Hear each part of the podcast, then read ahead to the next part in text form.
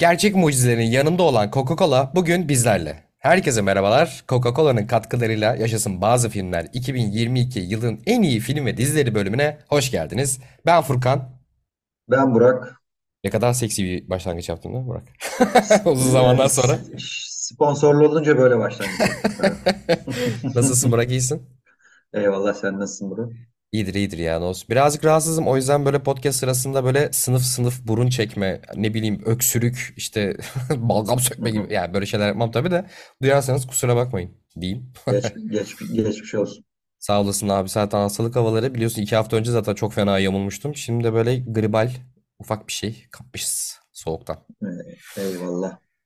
Evet eee, geldik senenin en tatlı yerine Eee, bu yılın en iyi filmlerini eee, hatta bir 10 yani Burak'la beraber karşılıklı bir 10 filmle oluşan bir liste yaptık. Eee, gelin bu filmleri tek tek konuşalım istedik bu bölümde de. Ya belki zaman bulursak hatta dizilere de böyle hani belki derinliğine detayına girmeden onlardan da bir küçük bahsederiz diye düşündüm. Nasıl Olabilir. yapalım abi? Seninkinden başlayalım? Yavaş yavaş istersen girişelim.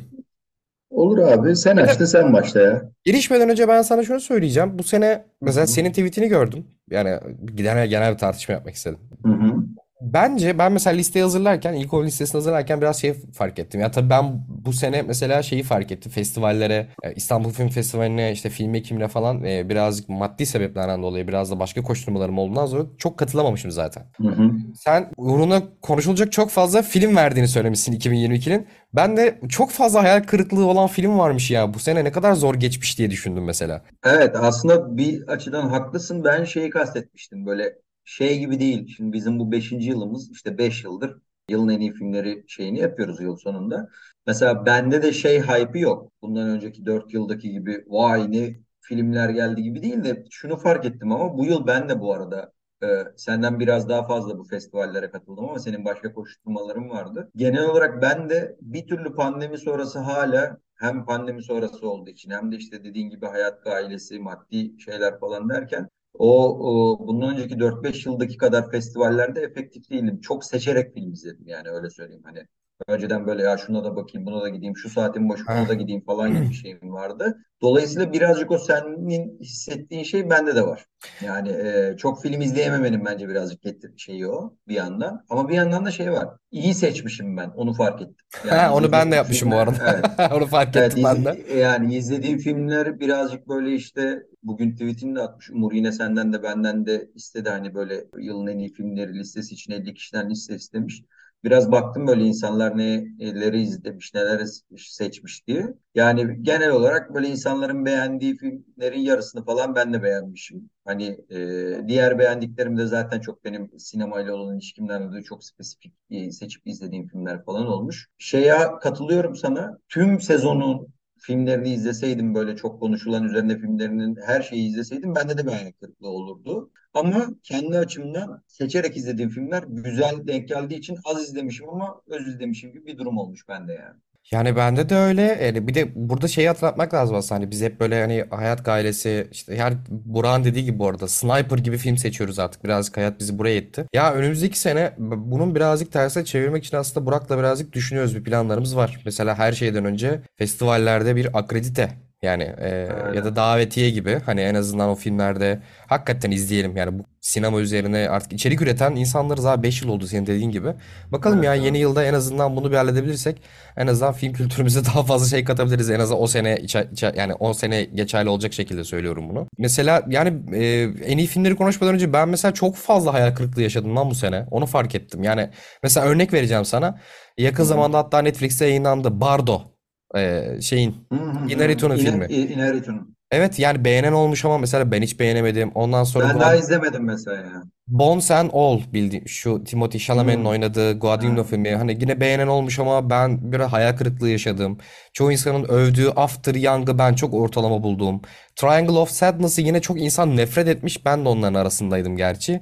Mesela Athena çok tartışma yarattı biliyorsun ki. Hı hı. Ee, Hı her ne hı. kadar çok etkileyici bir film olsa da birazcık finalindeki yaptığı hamleyle beraber şey böyle hani çok ters yere düştü. İçim bende çok aşağılarda kaldı ama yönetmenlik olarak mükemmeldi. Yani senin listende var mı bilmiyorum çünkü ben senin listeni görmedim ama Everything Everywhere All at Once ben herkes Evet bugün var. var ya yani filmi vücuduna sürdü neredeyse artık sevmekten. Ben birazcık böyle bilmiyorum belki bu kadar hype olmasından dolayı bilmiyorum ama ben böyle okey falan diye böyle geçiştirdim.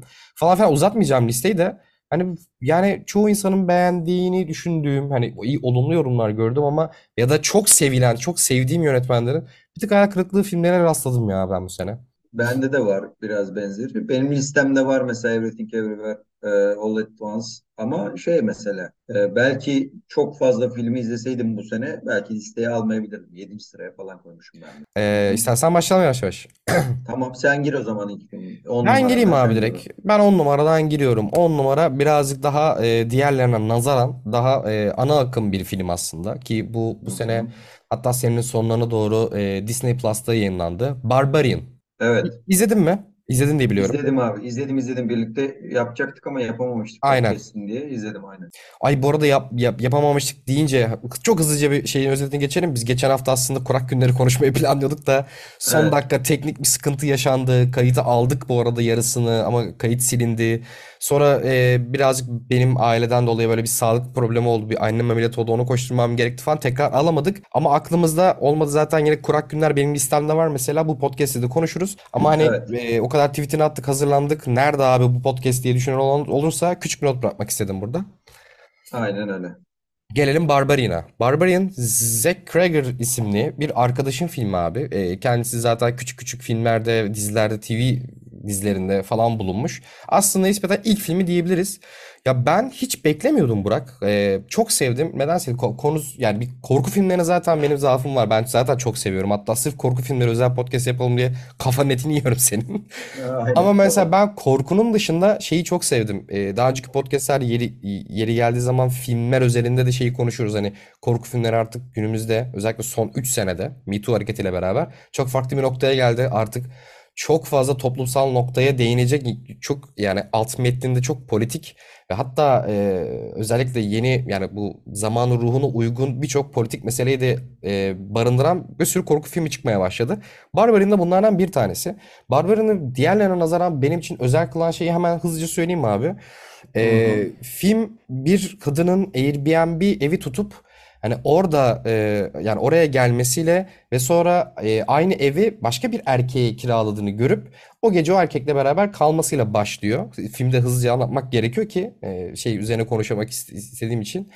Abi şeyi çok sevdim. Bir kadının gözünden böyle bir günü görüyoruz. Hani tanımadığı bir erkekle aynı evde ve sürekli tedirgin halde. Ondan sonra filmin ikinci yarısında bir karakter, başka bir karakter giriyor. Yine aynı ev özelinde, evin esas sahibi olarak görüyoruz.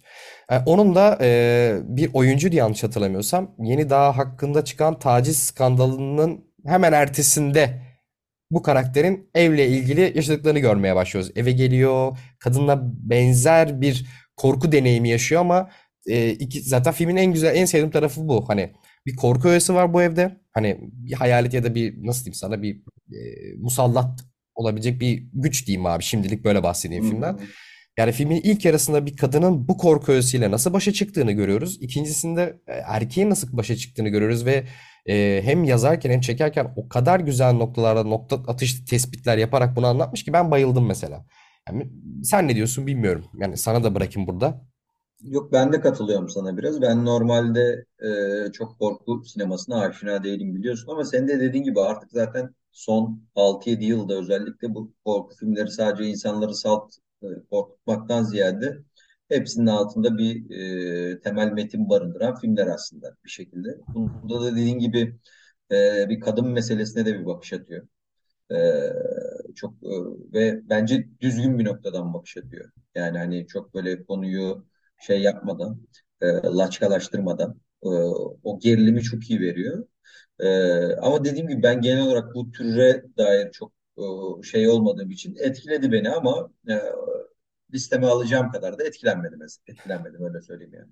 Yani ben mesela şey paralelliklerini çok sevdim abi filmde ki hani bunları zekice yani bir, bir sinema filminde bunları yani hem senaryosunda hem de çekimde yani bu, bunları çok zekice gördüm. Mesela örnek vereceğim sana. Hani kadının gözünden izlediğimiz filmin ilk yarısında kadının sürekli o evde hani tedirginlik hareket etmesi, kadının yani kendini koruma içgüdüsüyle bulduğu zeki çözümler mesela. Yani evde beraber kaldığı adamın gerçekten sıkıntılı olup olmadığıyla alakalı tedirginliği bir izleyici olarak biz de yaşıyoruz. Aslında bugün her kadının sokakta yalnız yürürken yaşadığı korkuları yönetmen bize burada bence güzel aktarmış. Ben buna bir erkek olarak söylüyorum. Hani e, tabii ki de bir e, kadın yorumcuların, kadın eleştirmenlerin ya da herhangi yani kadın izleyenlerin de yorumlarını ve bunları nasıl başarılı aktardığını dair yorumları da almak gerekir tabii de.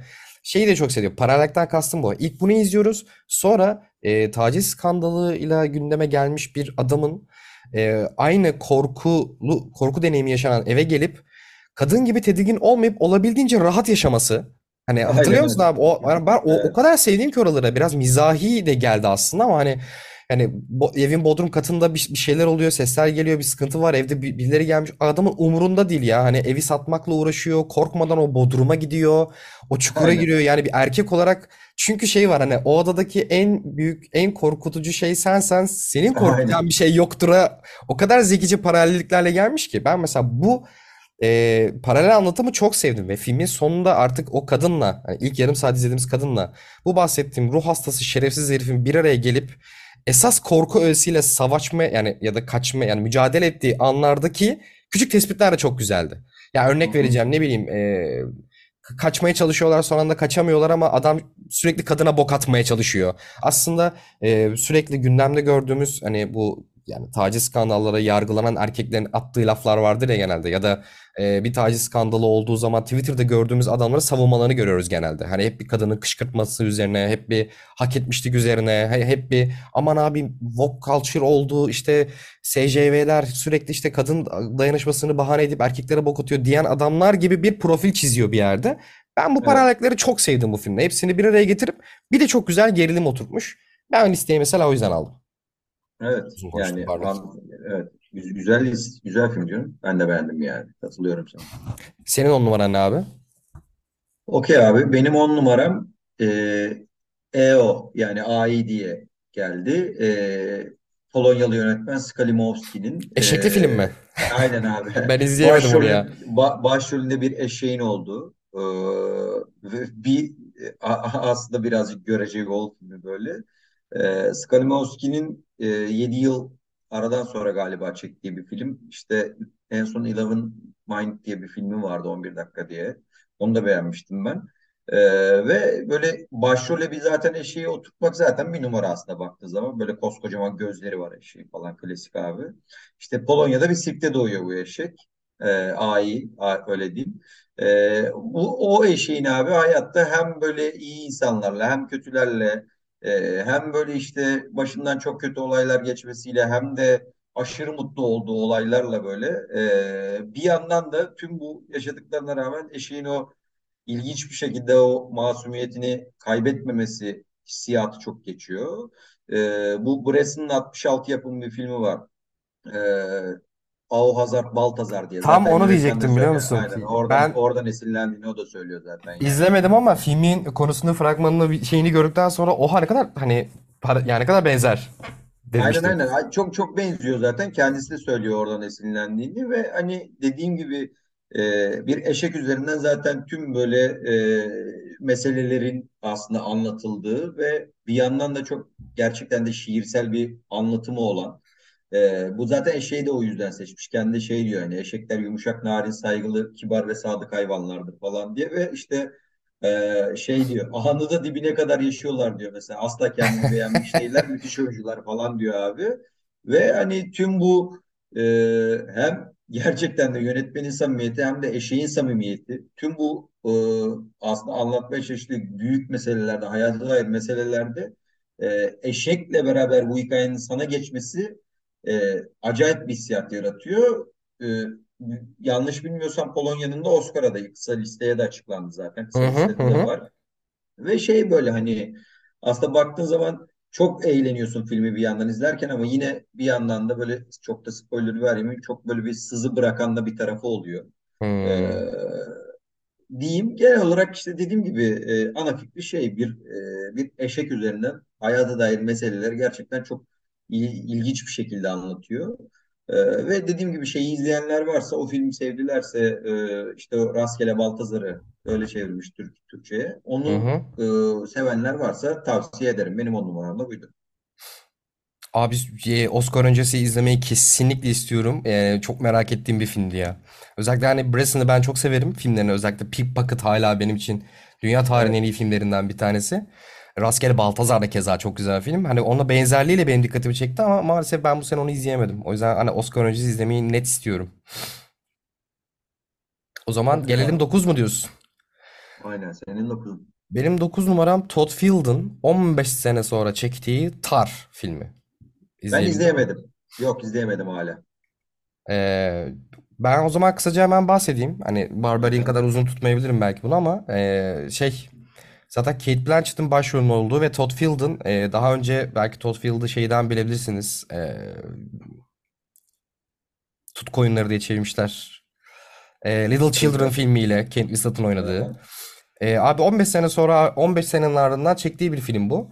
Yani şey çok hoşuma gidiyor. Aslında yine e, çok yine günümüz konusundan çok uzakta değil. Hani böyle bir hem Emmy hem Grammy hem Oscar hem de e, neydi?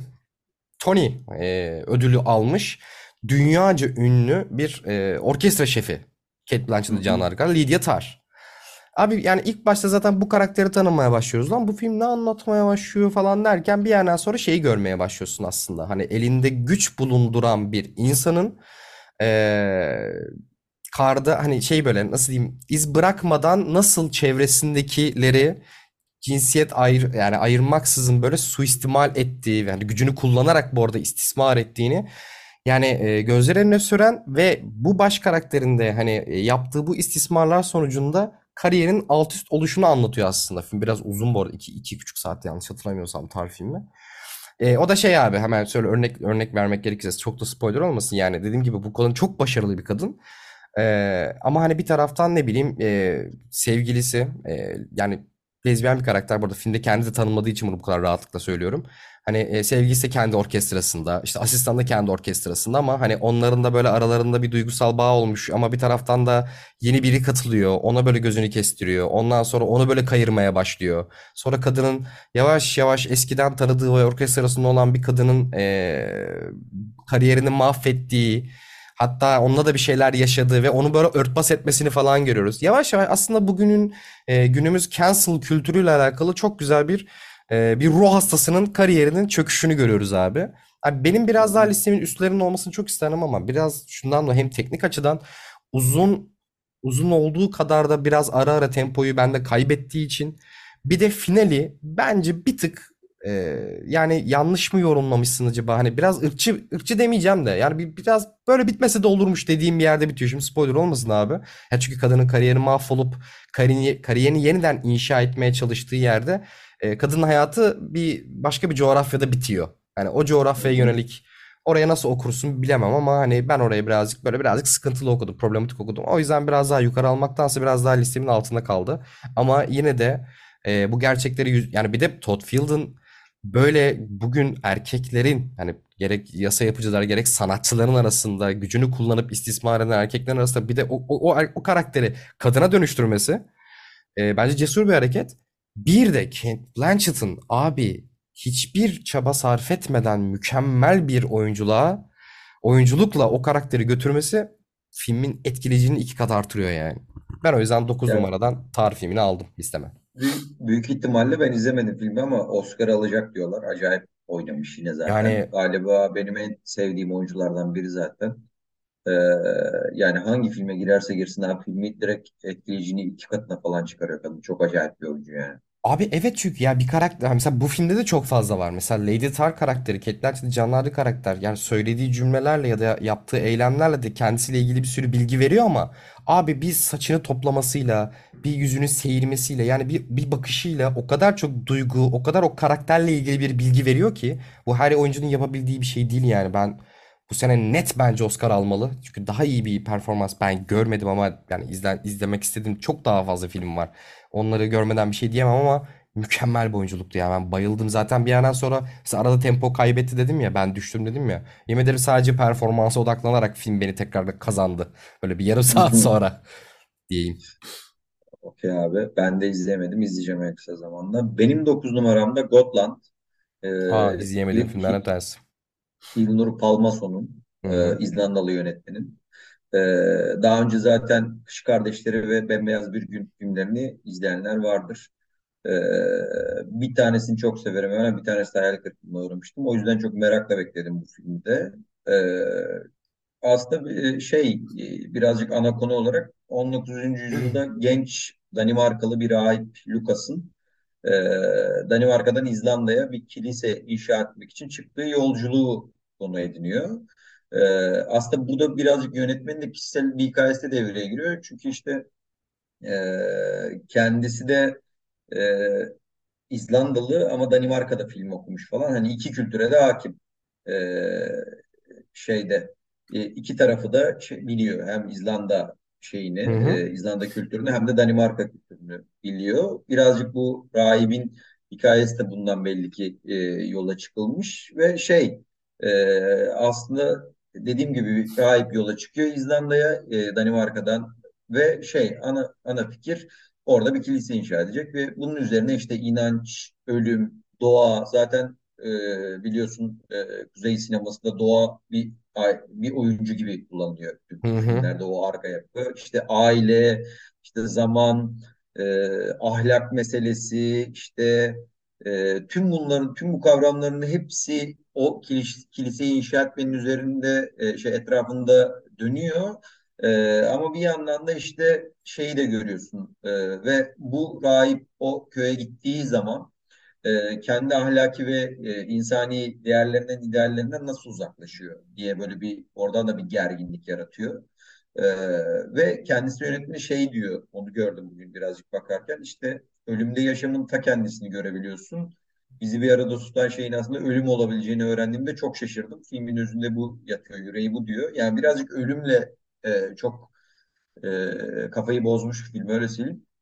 Ama dediğim gibi tüm birazcık uzun bir film insanı da yorabiliyor. Ee, Hı hı. ve şey gibi onu da bugün internette okudum. Çok güzel bir arkadaş onu yazmış. Şey demişti. Andrei Rublev'in birazcık modern versiyonu gibi demiş. Da Hı. öyledir ya böyle hani hep böyle inanç üzerine, insanlık üzerine, işte zaman Aha. üzerine bir şey vardır. Ee, burada tüm bunlara bir de o kuzeyin coğrafyası, doğası eklenince bayağı böyle etkileyici bir film ortaya çıkıyor. Bir de şeye ben çok şaşırdım yani hani oyuncuların o kadar zor bir iklimde, o kadar zor şartlarda film yapmak da çok ilginç geliyor bana. Gerçekten de hani böyle bir ara böyle soğuk bir suya giriyor 10 dakika falan aklım çıktı yani hani. Lan nasıl girdin o suya falan diye. Ee, vallahi bak hani her şeyden ziyade ona da takılıyorsun böyle film izlerken. O tarz şeylere alırsın annem takılıyorsun. falan diye böyle. Yerden sonra böyle izledim diyorsun.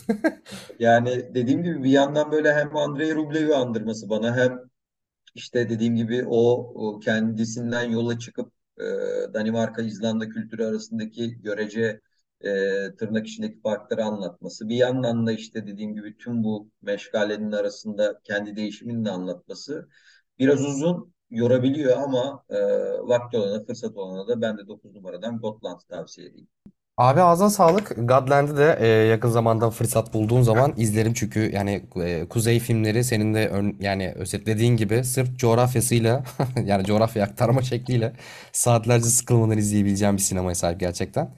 Ağzına sağlık deyip ben istersen sekize geçeyim. Tamamdır. Ee, yani bu filmi anlatmadan önce şey demek isterim. Yani e, benim yani bu senenin en iyi sekizinci filmi olarak listeye aldım ama yönetmenin filmlerini sırala desen bu filmi biraz daha aşağılara sıralarım. O da Chan-wook Park'ın Decision to Leave. Bende de var ya. Kaçıncı sırada? Bende de altıymış. Konuşalım o zaman. Okey. İstiyorsan altıda konuşalım. Sen Yok yok konuş ya konuşalım şimdi. Aynen. yani Gelmişken o konuşalım. zaman ben şöyle Çok çok geçeyim baş abi. çok başlarda değil ya o yüzden konuşalım yani. Senin 8 benim 6 yani konuşalım o yüzden. Tamamdır. Hani ben mesela hani şey az önce dediğim gibi hani ben mesela bu senenin en iyi sekizinci filmine koydum ama hani Chan-wook Park'ın filmlerini sırala desen abi Decision, Decision to Leave benim için daha aşağılarda yer alır. Biraz Evet. şundan dolayı yönetmenlik olarak Chan-wook Park yönetmenliğinden zerre e, bir şey ka- yani kaybetmiş dedim yani Old Boy'dan beri çok severek takip ettiğim bir yönetmen ki Kore sinemasının bence inşa eden en büyük yönetmenlerden bir tanesi olarak görüyorum ben. Bu tartışılabilir bir şey tabii ama mesela hani e, yeri geldi Hollywood'a film çekti Stoker filmine ki çok kötü senaryosu olmasına rağmen sırf yönetmenliğiyle bile oturup izletebilmiş. Kendi imzasını taşıyan kadrajları ve e, nasıl diyeyim karakterleri aktarma şekli yani nar- narration diyeceğim yani elin ecnebi tanımıyla. E, dikkat çeken birisi ve bunu yani sinematik e, olarak aktarma konusunda inanılmaz başarılı ve hani biraz oyuncaklı da anlatımları seven birisi. E, Decision League'de de bunu görüyoruz. E, şey var bunu yani had safhalarda görüyorum ben. Sırf şu an farkındaysan yönetmenlik övüyorum. E, çünkü eleştirebileceğim nokta benim için birazcık hikayesi ya. Yani Chan-wook Park'ın önceki filmlerinde yani Oldboy, Sympathy for Mr. Vengeance, Mrs. Vengeance, Thirst, Joint Security araya yani bütün filmler hatta bundan önceki çektiği The Handmaiden'ı da dahil edeceğim. Ben senaryolarında oyun yani tıpkı e, yönetmenliğinde olduğu gibi oyuncakla anlatmasını, oyuncaktan kastım bu arada garip bir kurgu ya da ters köşe değil aslında. Hani o duyguyu aktarabilecek en etkili sahneyi yazma ve yaratıcı bir şekilde bunu aktarma konusunda başarılı gördüğüm birisi. Buradaki hikayesi bana göre bir tık daha çok klişe geldi. Klişeden kastım Kore'nin, e, Güney Kore'nin özellikle e, biliyorum takip ediyor musun bilmiyorum abi ama biz böyle belli başlı yönetmenlerin filmlerini görüyoruz daha çok ama hani e, şeyde e, Güney Kore'nin özellikle TV dizileri ya da hani ürettikleri kültür dolayısıyla bir tık böyle bizim televizyon dizilerimize çok benzer e, bir şeyleri vardır onların. Anlatım şekilleri de hikayeleri. Bir tık ben de bunu onu gördüm. Bir çok Türk filmi gibi bir senaryosu vardı ki bu eşittir hemen kötü anlamına gelmesin. Sadece bana bir tık klişe geldi.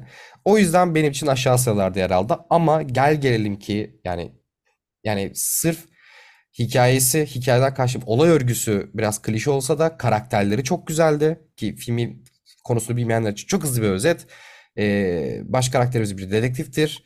Bir cinayet işte ya bir cinayet işlenir ve bu cinayetin baş şüphelisi de e, ölen kişinin karısıdır. Bir yerden sonra dedektif bu cinayeti çözmek için ipuçlarını takip ettiğinde yavaş yavaş eşiyle de yakınlaşır. Bir taraftan bizim için de ulan hakikaten kadın mı öldürdü, öldürmedi mi sorusu ilk başta böyle geliyorken bir yerden sonra baş karakterle beraber yakınlaştıklarında çok daha başka duygulara gidiyor deyip özetleyeyim ben. Ee, yani sanki çok övmekten çok yermişim gibi oldu. Böyle olmasını istemem. O yüzden bir tık sana bırakacağım topu şu an. Yani evet ben de e, Chan-wook Park'ı çok severim zaten. Daha önceki filmlerinden sen bahsettin. Bence şöyle yine kendi e, filmografisinden uzak bir film değil. Yine takıntılı ve fetiş bir film çekmiş zaten. Yani hani o, onları çok hissediyorsun. Ve çok katılıyorum aslında senin söylediklerinde. Cannes'da en iyi yönetmen ödülü aldı bu film. Çünkü inanılmaz bir teknik bir anlatım var. Evet, orada Böyle or onun kesinlikle. aklın çıkıyor yaptığı numaralara, bazı numaralara. Ee, ve yine hikayesi de aslında çok iyi bir temposu var. Ama ben de senin dediğine katılıyorum. Bir tek tüm bu devinimin içinde o patlama anının daha önceki filmlerinden bizim aşina olduğumuz patlama anını bir türlü yaşatamıyor. O da birazcık dediğin gibi ee, o senin dediğin nokta bence biraz şey. Hani birazcık çok Türk filmi vari dediğin şey çok fazla romantizm sosu var filmde. Yani hani çok çok böyle e, o, o kadar iyi bir yönetmenliğin, o kadar iyi bir e, teknik anlatımın ve işte çok e, acayip böyle bir devinime sahip olay örgüsüne e, çok hafif bence bocalaması gereken üzerine o romantizm sosunu birazcık şey yapmış. Çok abartınca bir noktada iç boyacı yerleri bence de var. Ama işte dediğin gibi o kadar iyi bir yönetmenlik ki kendi filmografisinde birazcık aşağı koysan da yine de bu senin en iyi, en iyi filmlerinden biri oluyor bence. Benim de altı numaramdaydı o yüzden. Ya evet mesela hani belki biraz benim beklentimle alakalıdır ama çünkü böyle neo-noir bir şekilde başlıyor. Hani aa çok güzel okey falan diyorsun. E bir yerden sonra dediğin gibi çok roman ya biz ya da biz çok duygusuz odunlara dönüştük. Burak bilmiyor ya da ben kendim için O da, söylüyorum bunu o da ama olabilir. O da olabilir. yani bir yerden sonra neo-noir gibi başlayıp ondan sonra çok hızlı bir şekilde romantiz ama bu arada ro- yani romantik sulara indiğinde de aslında nasıl diyeyim yani e, karakterlerin kendi hayat özellikle dedektif karakterinin kendi hayatında hani ayrı hakikaten filme adını da veren hani bu birbirlerine karakterlerin birbirlerini merak etmesi birbirlerine daha çok dahil olması e, yakınlaştıkça kendi hayatlarına biraz daha alışar. Hani bu noktaları bu karakter duygularını aktarma konusunda yine başarılı. Sadece olay örgüsü olarak adlandırdığım hikayenin akış şekli bana birazcık klişe geldi. Ve dediğim gibi hani neo-noir başlayıp sonra çok fazla romantik sulara gitmesiyle böyle birazcık ben düştüm ama dediğim gibi öyle güzel bir yönetmenliği vardı ki öyle güzel bir aktarım o sinem yani sinematik anlatı o kadar güçlüydü ki yani gel gelin bu senenin en iyi 8'ini aldım ben de. Aynen. Bende de 6'ydı. Gelelim senin O 8'e. zaman benim 8. Ben senin listeni gördüm bugün. Ee, o yüzden bunu bence senin sıran geldiğinde konuşalım. 8 bende Ulrich Seidel'ın Rimini. O ben de o zaman spo ya direkt söyleyeyim ben de 2 numara. Orada istersen 2'de konuşalım. İstersen. Olur olur onu 2'de konuşalım. Tamam. Tamam. Senin o Ee, zaman 7'ne mi geçiyoruz? Aynen benim 7. bu senenin bence tartışma çünkü çok tartışıldığını gördüm. Yani çok söven de çok gördüm, öven de gördüm. Bu arada sadece Türkiye değil, uluslararası sularda da çok söveni ve çok öveni vardı. Ee, Holy Spider, Ali Abbasi'nin filmi. İran filmi. İzledin mi Evet sen ben abi? izledim izledim. Ben listeye alabilirdim. Son anda almayayım dedim ama yani listeme de girebilirdi. Beğendiğim bir film yani benim de. Yani abi bi- bi- ben mesela tartışanlar neden tartıştıklarını söyleyelim. Ee, ben mesela gördüğüm kadarıyla tabii. Ee, şimdi şey ya bir İran'da İran'ın kutsal şehri olarak bilinen e, Ta- yok, Tahran değil Maşad. Heh. Maşa. E, Maşad'da geçen bir hikaye. Orada aslında hayat kadınlarını öldüren bir seri katil. Spider Killer diye geçiyor zaten. E, bu ve bir e, oraya atanan, oraya gelen daha doğrusu Tahran'dan gelen bir kadın gazetecinin gözünden aslında o kedi fare oyununu anlatıyor. Biraz böyle spoiler vermeden konuşmaya çalıştığım için çok deniyor deniyor açıklamada bulundum ama filmin 3 aşağı 5 yukarı yapısı böyle. Tartışma yaratan taraf ise film direkt daha başta katilin kim olduğunu gösterip bütün e, öldürme sahneleri ki bahsettiğim gibi hani e, hayat kadınlarını, seks işçilerini öldürüyor bu karakter. Öldürme sahnelerini çok ilk elden gösteriyor abi. Hı hı. E, çoğu insan buraya takılmış. Çoğu insan buraları çok farklı şekilde okumuş. Bunu böyle çok e, şey gören de var. E, nasıl diyeyim? E, bunu bir fetiş. Yani bu tıpkı daha önce Hı konuştuğumuz hı. Tarantino'nun ya da e, kim işte Lars von Trier'in yaptığı gibi bir fetiş unsuru gibi kullandığını söyleyen olmuş Ali Abbasi'nin. Kimisi de abi sen kadın düşmanlığını anlatırken aslında bir tık kendin buna ön ayak oldun diyen de var. Bunlar hepsi tartışmalar. Bunlara karşı geldiğimi söylemiyorum. Bu aslında filmin çekim tekniği üzerinden birazcık niyet okuma. Ben o niyet okumayı yapmak istemedim çünkü anlattığı hikaye bir tık gerçek bir hikayeden uyarlandığını e, söylüyor zaten filmde bir taraftan. Şeyini araştırmadım hiç oturup gerçeğine bakmadım açıkçası. Hı hı. Ee, benim filmi çok etkili bulduğu noktalardan bir tanesi ya tabii ki de bu anlatım bu bahsettiğim insanların eleştirdiği anlatım şekli biraz filmi çok etki yani sinirleri alt üst ediyor bu arada çünkü hakikaten o cinayet sahnelerini olabildiği kadar çarpıcı bir gerçekliği göstermiş. Ben şeyi birazcık çok sevdim. Hani e, işin sonucu yerine hani erkekler kadınları öldürüyorun altını tekrar tekrar çizmek yerine bir tık katilin hayatını, katilin mantığını göstererek e, İran gibi Orta Doğu ülkelerinde bu kadın cinayetlerinin biraz motivasyonuna değiniyor. Ve bence bir şey Evet. söyleyeyim mi? Çok tehlikeli sulara giriyor. Şu anlamda Evet. çok tehlikeli sulara giriyor. Çünkü baş karakter şey görüyoruz abi. Bu adam birileriyle konuşuyor sürekli. Yani böyle yakın ahbabı olan insanlarla şey konuşuyor. Zamanında bir savaşa girmişler. Ee, z- orada da söylüyordu savaşın adını unuttum. Ee, savaşta bütün arkadaşları şehit olmuş ya da gazi olmuş ama bu hiçbir yara almamış ve bu ona çok koyuyor. Aslında birazcık İslamiyet'teki şehitlik kavramına gelip e, şehit olmadığı ve gazi olmadığı için kendini çok boş gören birisi. Bu yüzden kendine kutsal bir görev edinip sokaktaki seks işçilerini öldürüyor. Aslına bakarsan Orta Doğu gibi yani ya da yobazlığın kökenindeki bu şiddetin meyilliğinin sebeplerinden birine değiniyor ve şehitlik kavramı gibi çok aslında diken üstü bir konuya girip anlatıyor burayı. Ben buraları çok sevdim. E, filmin eleştirilecek noktaları da çok var bu arada. Yani biraz garip bir sonla bitiyor. E, nasıl diyeyim sana hani ya spoiler olacak oralara girmeyeyim ama hani sağ gösterirken sol vuruyor. Yine tabii ki de şey bitmiyor. Aklamıyorlar katili falan ama çünkü gerçek hayatta öyle olmadığı için ama bir yerlerde yönetmenin e, nereden tutacağını be- yani çok kafası karışmış ve nereden tutacağını bilemeyip birazcık elinde kalmış bir finali var. Birazcık bunu eleştirebilirim ama sırf bu anlattığım sebeplerden ötürü çok etkileyici bir film bence. Ama dediğim gibi e, yani izleyip de sevmeyip ya da aynı dediğim sebepten ötürü tekniğine bakıp da niyet okumak isteyen arkadaşları da sabaha kadar dinlerim. Ben niyet okumadan sadece e, anlatmaya çalıştım. E, orası tartışılır bir şey. Yani adam. Ben Yani çok fetiş noktası olarak şeylere görmek istemedim açıkçası. söylediğin şeylere katılıyorum abi. Bence bir atmosfer yaratma olarak inanılmaz bir film. Ha, O evet. oradaki o İran'daki atmosferi inanılmaz yaratıyor. Ama ben de birazcık o e, dediğin noktalara takıldım mesela. İşte şey sonuçta ba- bayağı 16 tane kadını öldürmüş bir katili anlatıyor bu film aslında Evet. baktığın zaman. Yani hani 16 tane kadını öldürmüş ve e, Ali Abbasi aslında hep provokatif bir yönetmen. İşte bundan önceki Border da biraz provokatif bir film hı. mesela baktığın zaman. Şimdi burada bence şurada birazcık bir sorun yaşıyor. E, ya bu zaten çok riskli bir alan. Yani baktığın zaman şimdi e, bir işte e, 16 tane kadını öldüren bir katilin kafasına girip filmi anlatmak meselesi bence çok zor bir şey. Çok riskli Evet, taraf. çok riskli. Evet ama bunu yaparken de benim birazcık burada şey olduğum e, çok fazla böyle aşırı politik bir noktaya girmiyor çok fazla. Sadece şuraya çok yaslanıyor. İşte dini toplumlarda dinin bu kadar baskılı olduğu Orta Doğu'da erkekler bunu yapar gibi bir noktaya getiriyor tırnak içinde. Yani motivasyonu çok fazla şeye bağlıyor. İran'a ve İran'ın o toplumuna bağlıyor. Erkeklikten birazcık çıkarıyor orada anlatabildim mi demek istediğimi? Anladım abi. Yani Ee, ben de ama mesela Tabii bu Heh, arada bu buyur arada buyur. özür dilerim lafını unutma. Bu tabii ki bir en büyük mo- e, bu katilin motivasyonlarından biri. Tabii ki bu. Baktığın zaman hani o filmi izlediğin zaman bu da ortaya çıkıyor. Ama bu işte birazcık bana e, şey bir bakış açısı geliyor. Çok batılı bir bakış açısı anlatabildim mi demek istedim. Hmm, Çok böyle şey anladım demek e, istediğini. bu yani ki Ali Abbas İranlı ama bildiğim kadarıyla bir göçmen Danimarka'da yaşayan biri. E, o yüzden hani böyle e, tırnak içinde e, yani bu bu cinayetleri bir erkeğin sadece o dini meselelerden e, işlemesine getiriyor ya orası bence birazcık sorumlu.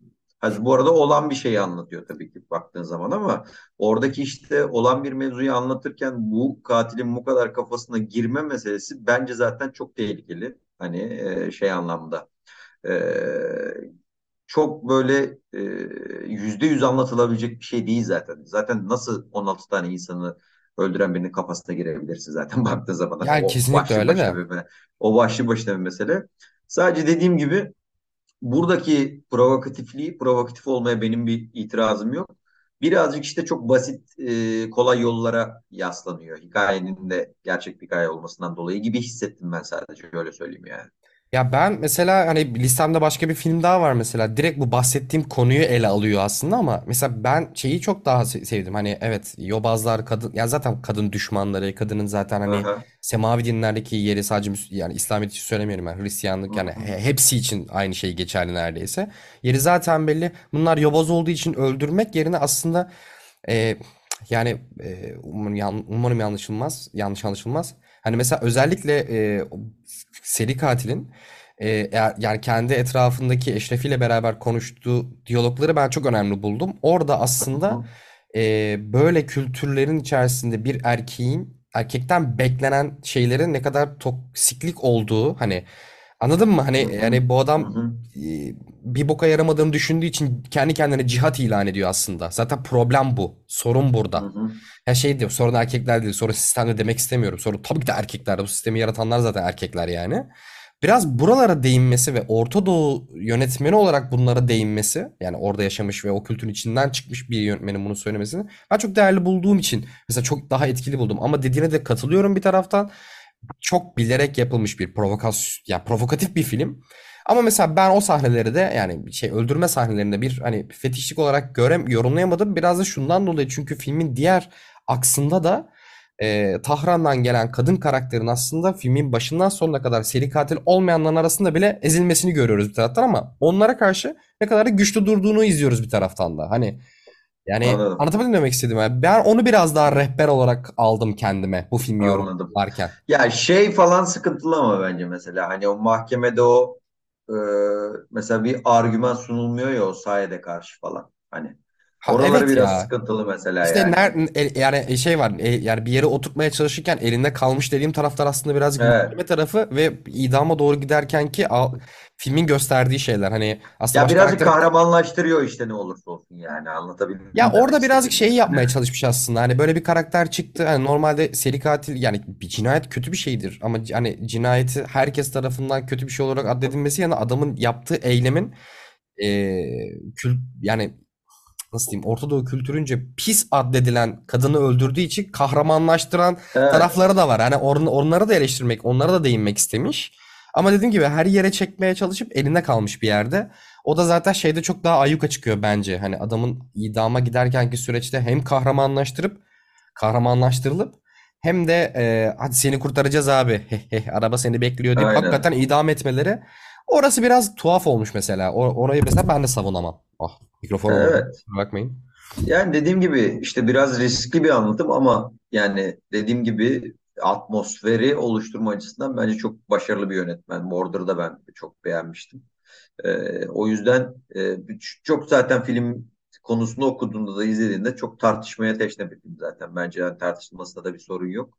Ama yılın etkileyici bir filmlerinden biri oldu da bir gerçek. Afiş de çok güzel bu arada. Afişi Afişi ne çok kadar sevdim. çok çok oryantalist koksa da bir hoşuma gitti yani afişi o halımalı meselesi Aynen. bir tık hoşuma gitti.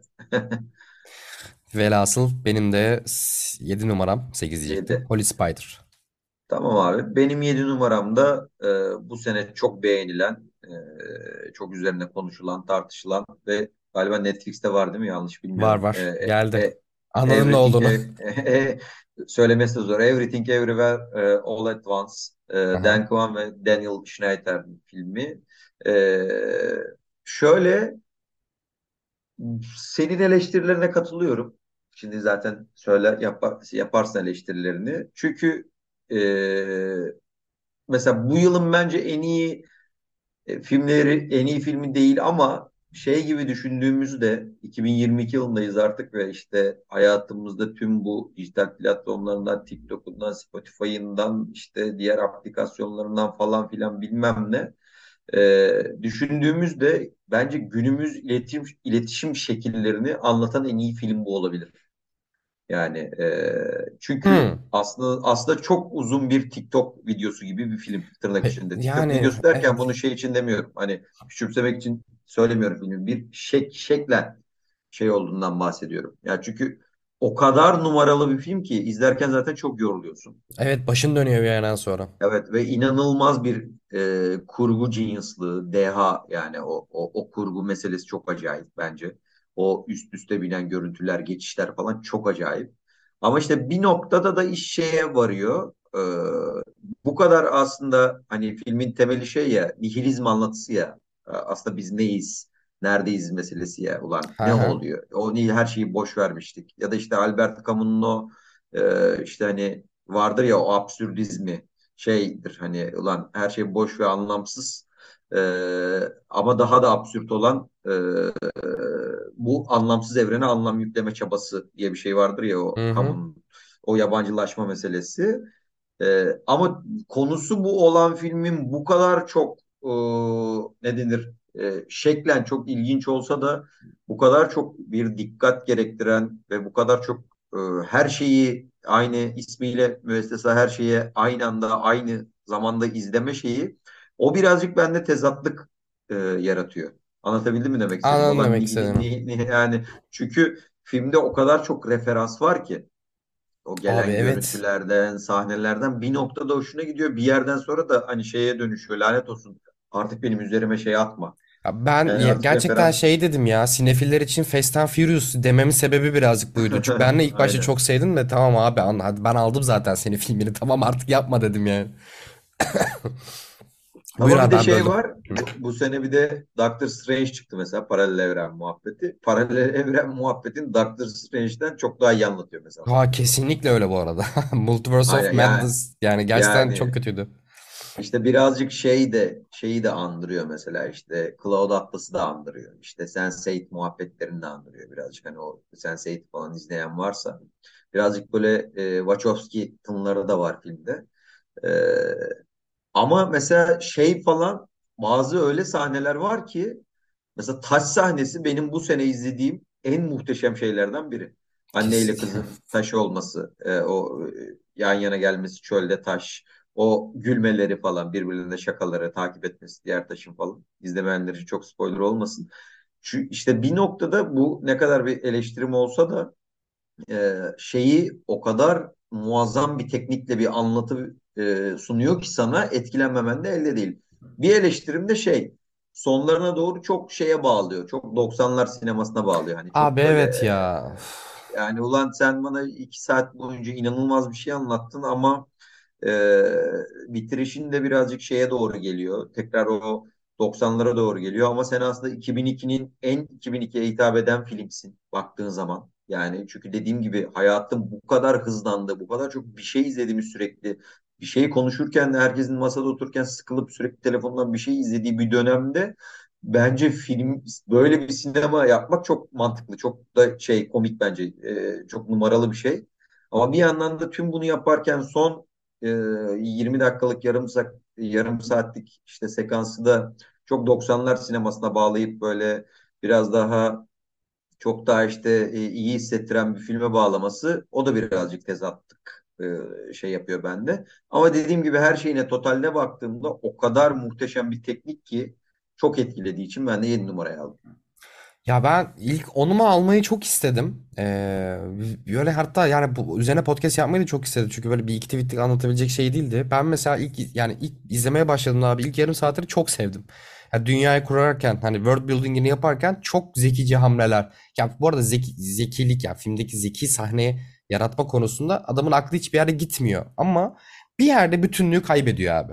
Ya her şeyden önce şunu söyleyeyim. Bir filmde kurduğun evrenin sınırlarını çizmezsen Hadi abi biz böyle rastgele takıldığa geliyorsun.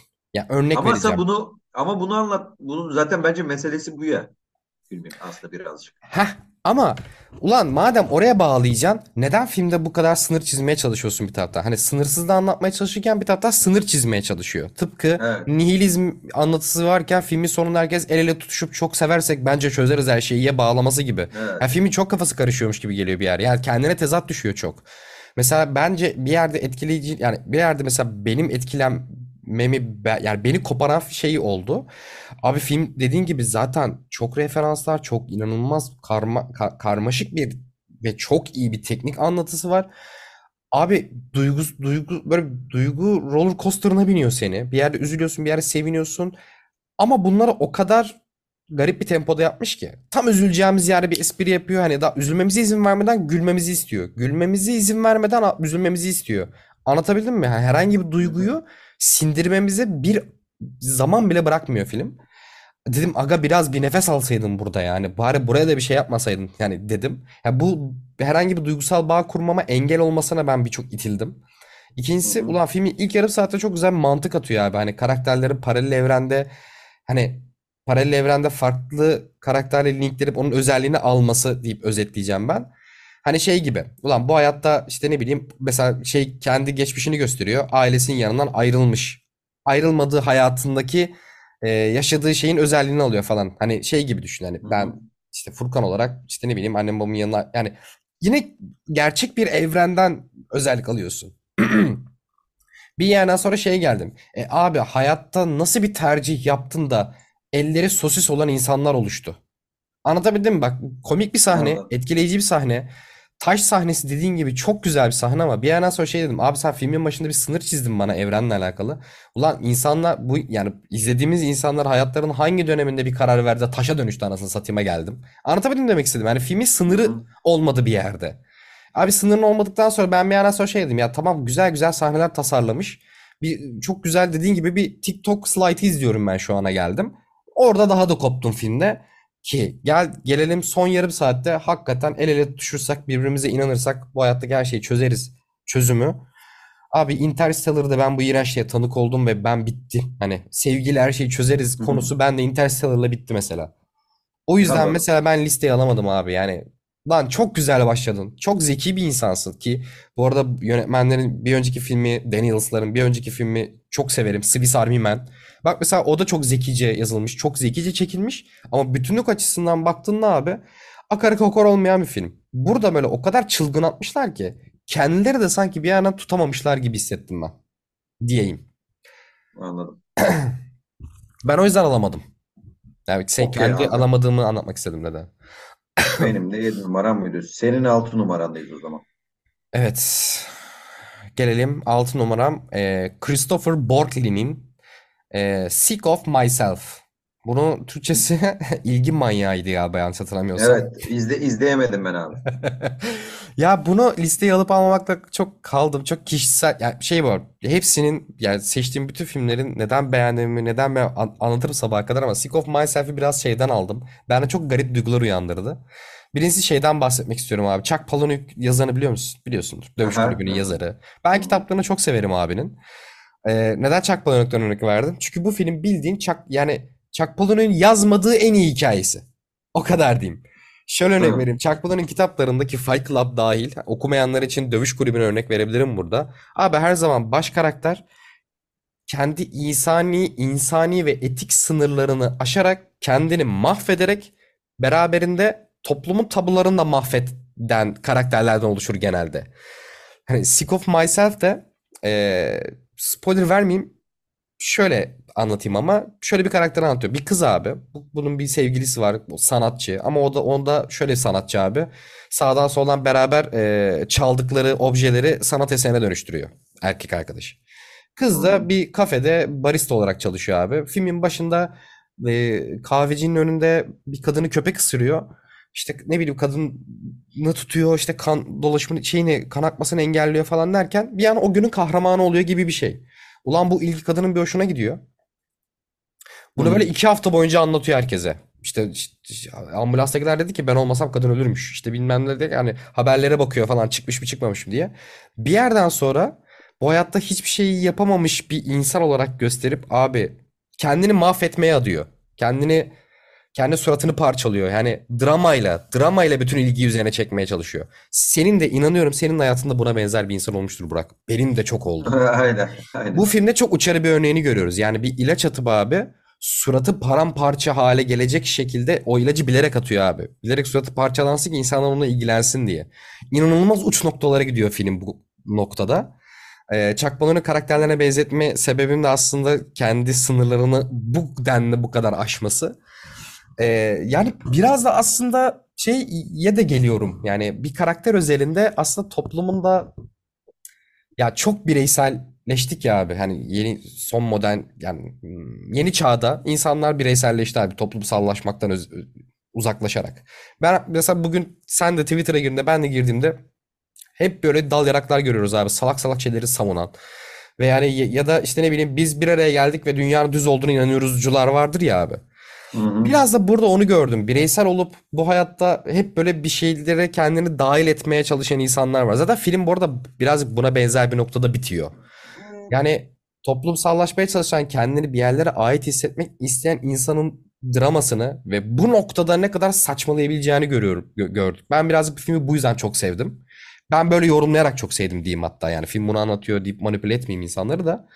E, çünkü abi dediğim gibi yani her gün sosyal medyada özellikle böyle bir iletişim çağında, böyle bir, böyle bir çağda salak saçma şeylerle e, kendini bir yere ait hissetmeye çalışan insanlara denk geliyoruz ki bu arada başkalarına göre belki biz de öyleyizdir. Bilmiyorum. Ama hani bu filmdeki karakterin yaptığı uçarı eylemlerde ben biraz bunu gördüm ve biraz bunun altını çizmesi beni çok etkiledi filmde.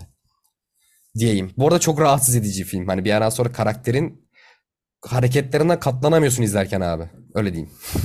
Anladım abi. Biraz da sınırı zorlayan bir film yani. İzlemedim. İzleyeceğim. Tamamdır. Ee, Tamam. Be- benim 6 numaramı konuştuk abi. Decision to Leave'di. Park'ın.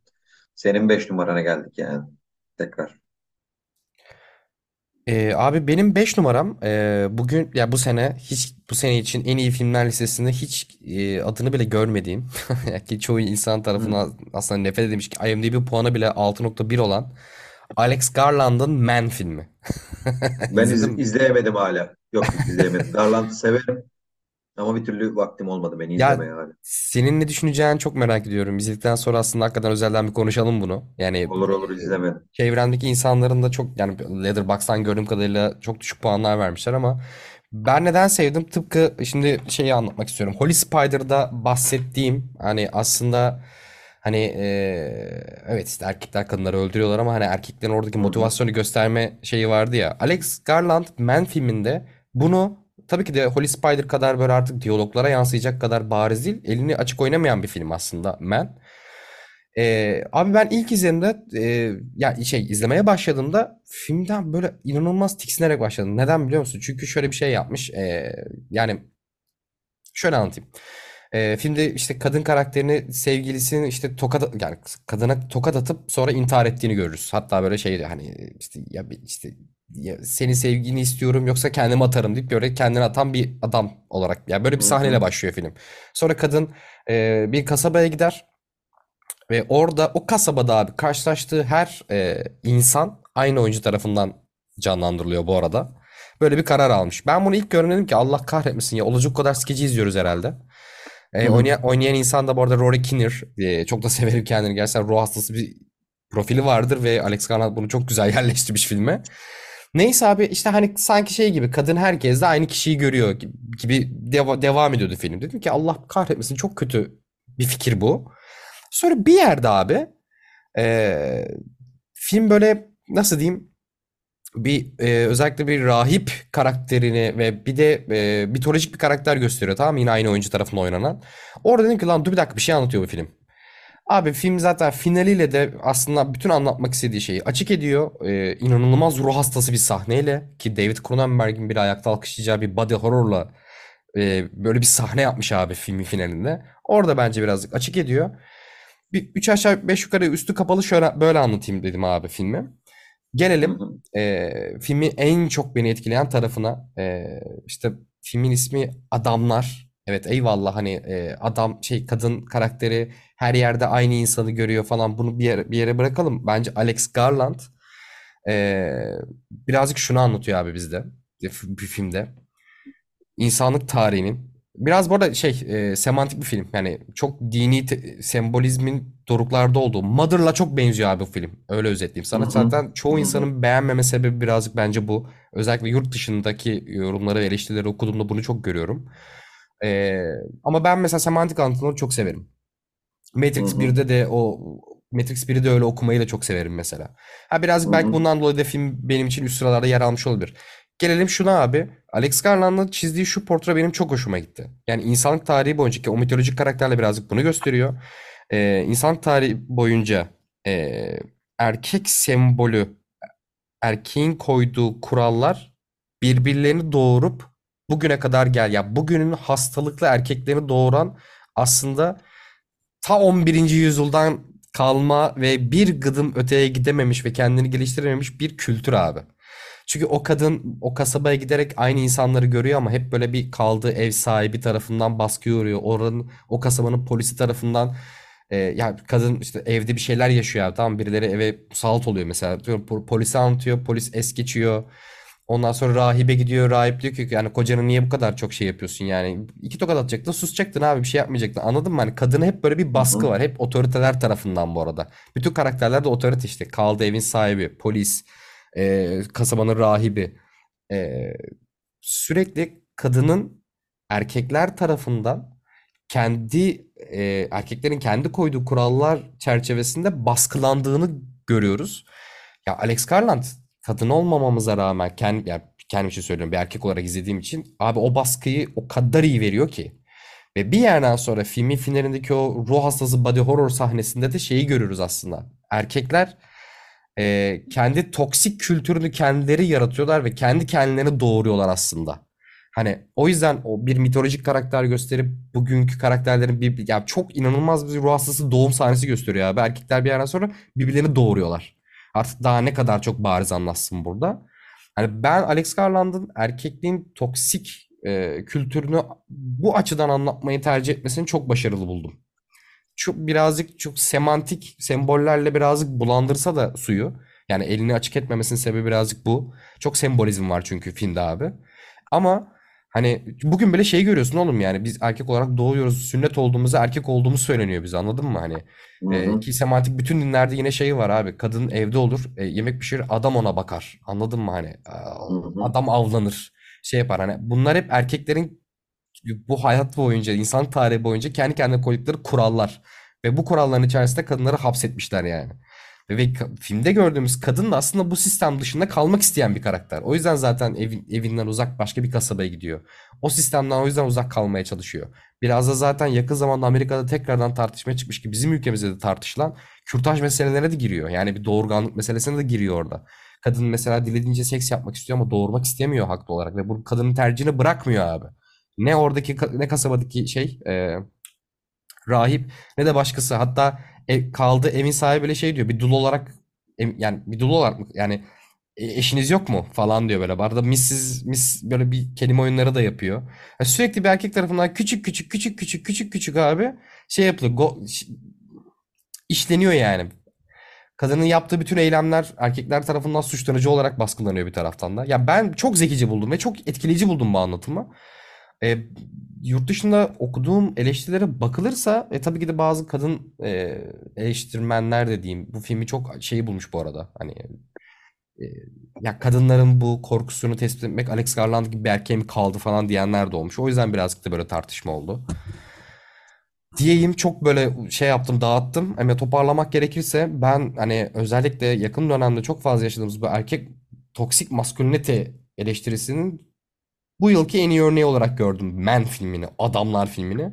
Çoğu arkadaşımın da listesinde görmedim çünkü çoğunun beğenmediğini gördüm ama ben mesela çok beğendim. Hem bunu e, insanlık kültüründe hem de semantik kültürde anlatmasını, erkeğin bu kadar toksik, iğrenç bir e, kültüre sahip olmasını yine bizzat erkekler tarafından yetiştirildiğini göstermesi bence güzel bir bakış açısı. Doğru bir bakış açısı olarak görüyorum. Bilmem kendimi Anladım. umarım meramımı anlatabilmişimdir. Yanlış da bir şey söylememişimdir diyeyim burada bir Yok yok anlattın ya. Ben de izlemedim. İzleyince konuşuruz üzerine Olur tekrardan abi. yani. Benim 5 numaram abi e, Alcaraz, Carla Simon. Ah izlemek E, istediğim bir filmdi ya.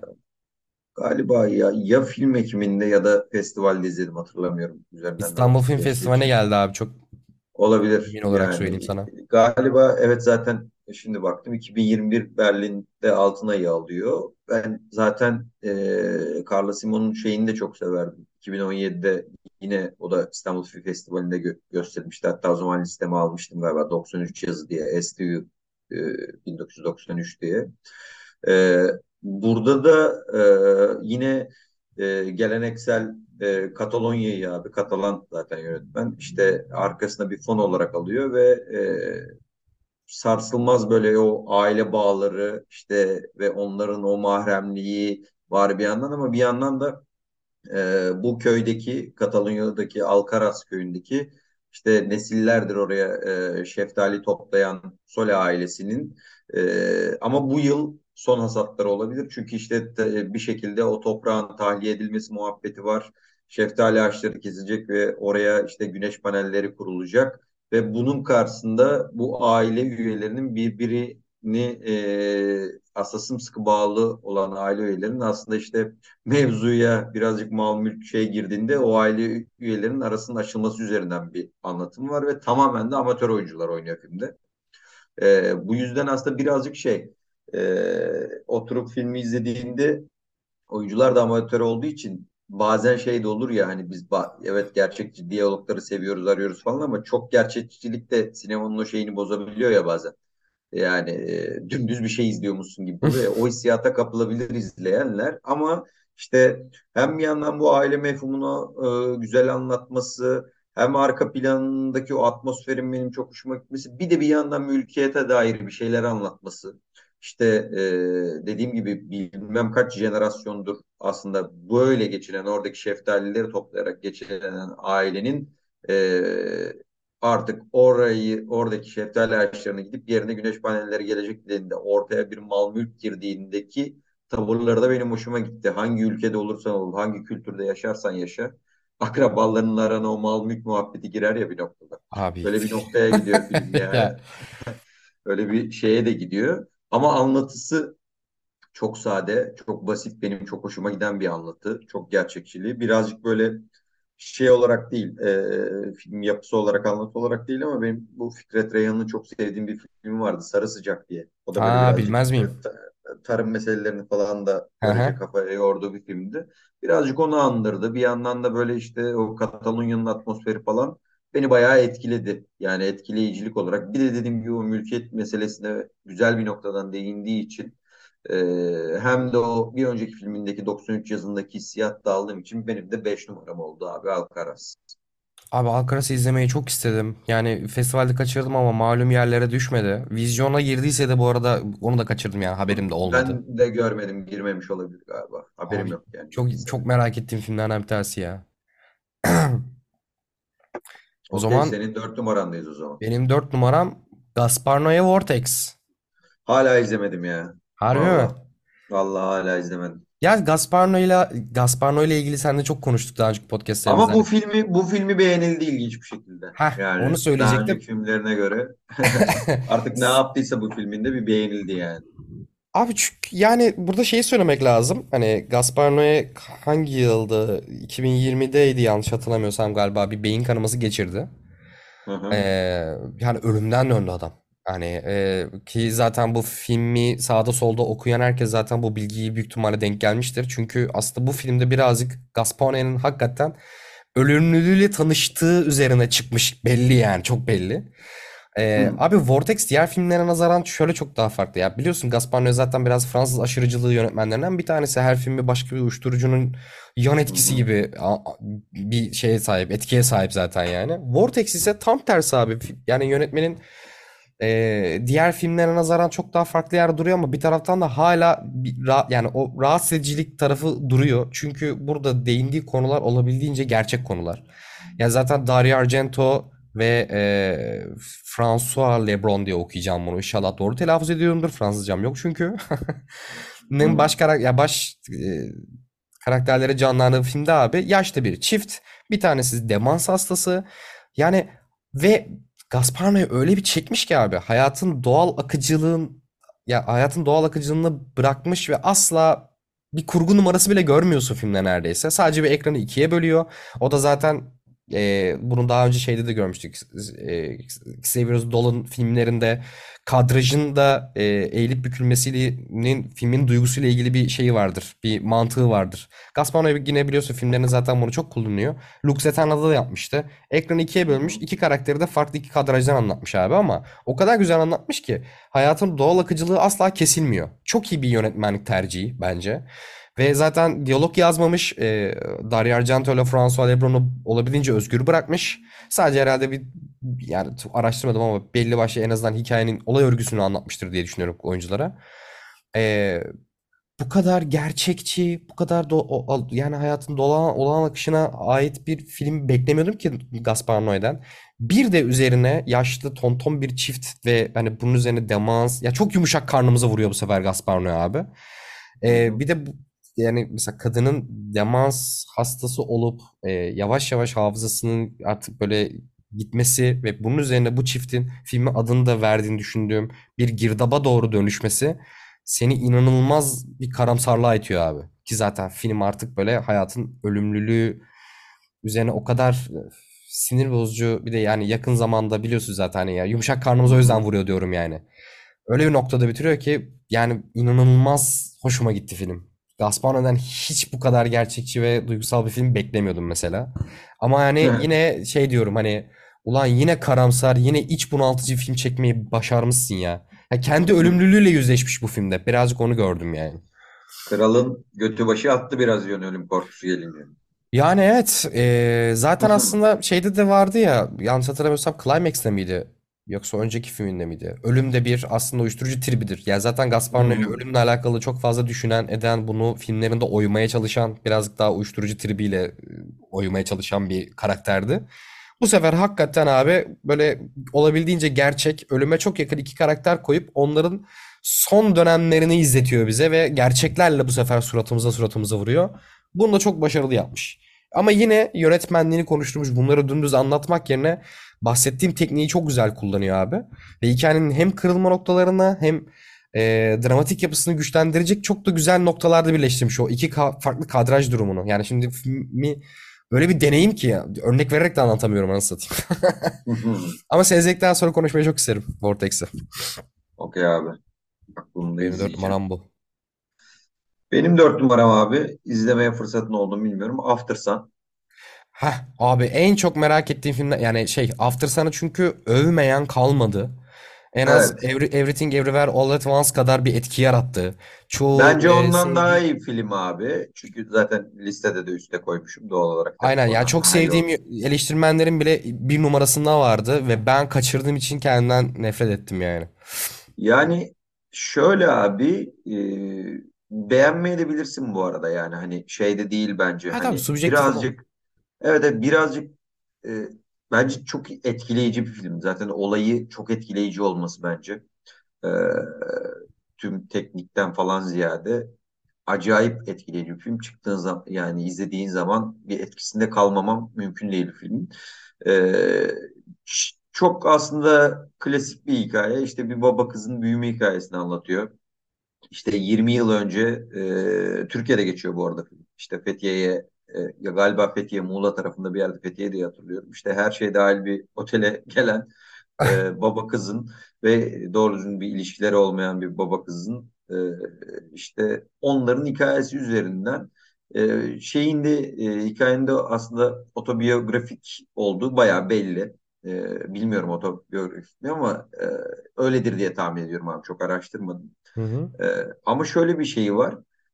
Bence e, filmin numarası zaten tam olarak hatırlama üzerine, o hafıza üzerine, Hmm. hafızanda o e, iyi hissettiğin zamandaki ya da çocukluğundaki o tutunduğun şeylerin şimdiye etkisi üzerine bir anlatı var ki özellikle zaten son zamanlarda bu hatırlama meselesi çok kullanılıyor ya sinemada.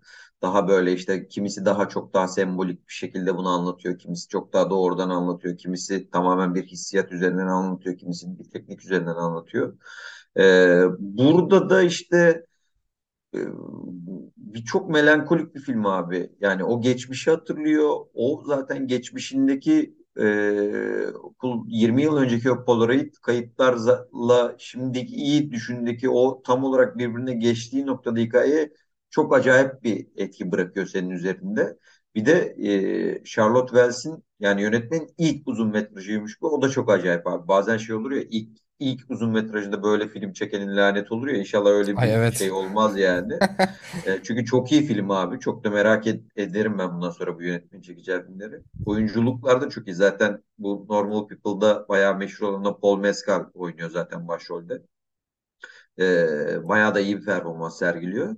Ama temelde dediğim gibi e, çok küçük bir meseleyi, çok şahsi bir meseleyi, herkesin ailesiyle, annesiyle, babasıyla tırnak içindeki o meseleyi o kadar büyük bir hissiyatla anlatıyor ki.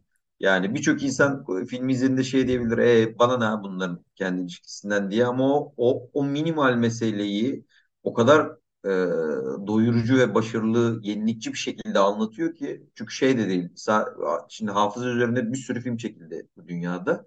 Ama hafıza üzerine çekilen filmlerin arasındaki en yenilikçi filmlerden biri bu. Yani Hmm. işte bazı numaraları var. Çünkü Sen de izlemedin çok söylemeyeyim böyle. Ee, şey gibi bir hissiyat yaratıyor filmden çıktığında.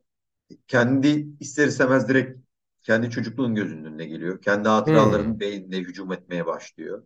Kendi yaşadığın, kendi kurduğun ilişkiler, kendini o zamanında belki de en güvende hissettiğin zaman e, kavramı falan devreye giriyor. O yüzden beni çok etkiledi. Mesela şey gibi bir hissiyattı bende. O çok komikti. Ben Denizliyim biliyorsun. E, bundan 5 yıl önce falan işte ilk defa ben Nesil'i Denizli'ye götürdüğümde daha o zaman evli değiliz, nişanlı falanız herhalde yanlış bilmiyorsam ya da sevgiliyiz işte. Denizli'ye gittiğimde böyle bir gece arkadaşlarımızın yanından geri dönüyoruz. Hiçbir sarhoşuz falan. Çocukluğumun geçtiği evine oradan siteden geçerken ben orada durmuştum mesela arabayla abi. Oturmuştuk orada. Ben böyle sigara içmiştim orada. Ee, şurada bir sigara içelim ya falan diye. Ve ilginç bir şekilde kendimi orada acayip güvende hissetmiştim falan böyle. Büyük ihtimalle o hafızayla alakalı bir şey.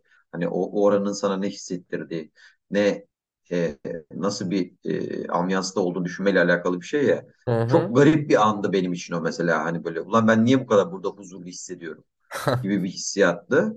Bu film de birazcık bana konu olarak değil ama şey olarak vibe olarak onu verdi mesela. Ulan ben bu filmi izlediğimde niye bu kadar etkilendim? Yani niye bu kadar bir yandan üzüldüm ama bir yandan da bir mutlu oldum. Çünkü işte düşündüğümde hep böyle kendi hatıralarım böyle bir beynime hücum ediyor gibi bir şey var. Dediğim gibi hafıza üzerine, hatırlama üzerine, o güvenli o hissetmek üzerine benim kendimce bu çıkarımım tabii.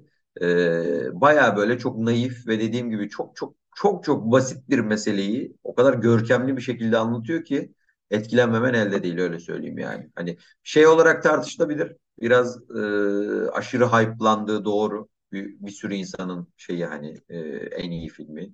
En iyi filmi olan insanlı benim de dört numaram. En iyi filmi olan insanları da anlıyorum.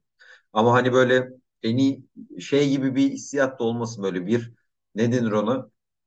Teknik olarak ya da işte atıyorum senaryo açısından falan filan bir sinema şaheseri değil abi. Ama çok yenilikçi bir şekilde bu hafıza meselesine değinmesi ve bıraktığı hissiyat bayağı etkileyici bir hissiyat öyle söyleyeyim yani. Ko- koku gibi film lan o zaman. Hani kokular Yani şeydir evet. ya hafızayı Evet evet. tetikleme konusunda müthiş bir araçtır ya. O yüzden sen de Evet, anlatınca biraz, kendi anılarına evet, evet. gittin mesela. Evet, evet. Birazcık öyle bir şey yani. Hani bana verdiği vibe en azından öyle. Öyle söyleyeyim yani. Abi ilk fırsatta izleyeceğim. Çok merak ediyorum gerçekten ya. Böyle yorumları okuyorum spoilersız hale tabii. Şimdi sen anlatınca da yine böyle "Oğlum, çıksa da izlesem diyorum. Galiba 6 Ocak'ta Mubi'ye geliyor. Yanlış Ha bilmiyorsam. süper. Aynen. Artık bu senenin filmlerinin olmadı benim için ama en azından Burak'tan dinledik. Eyvallah. O zaman 3 mü? Senin 3 evet senin 3 numaran o zaman. Benim üçüm senin kaçını bilmiyorum ama listende var mı hatta emin değilim. Kurak Günler, Emin Alper. Ben almadım listeye.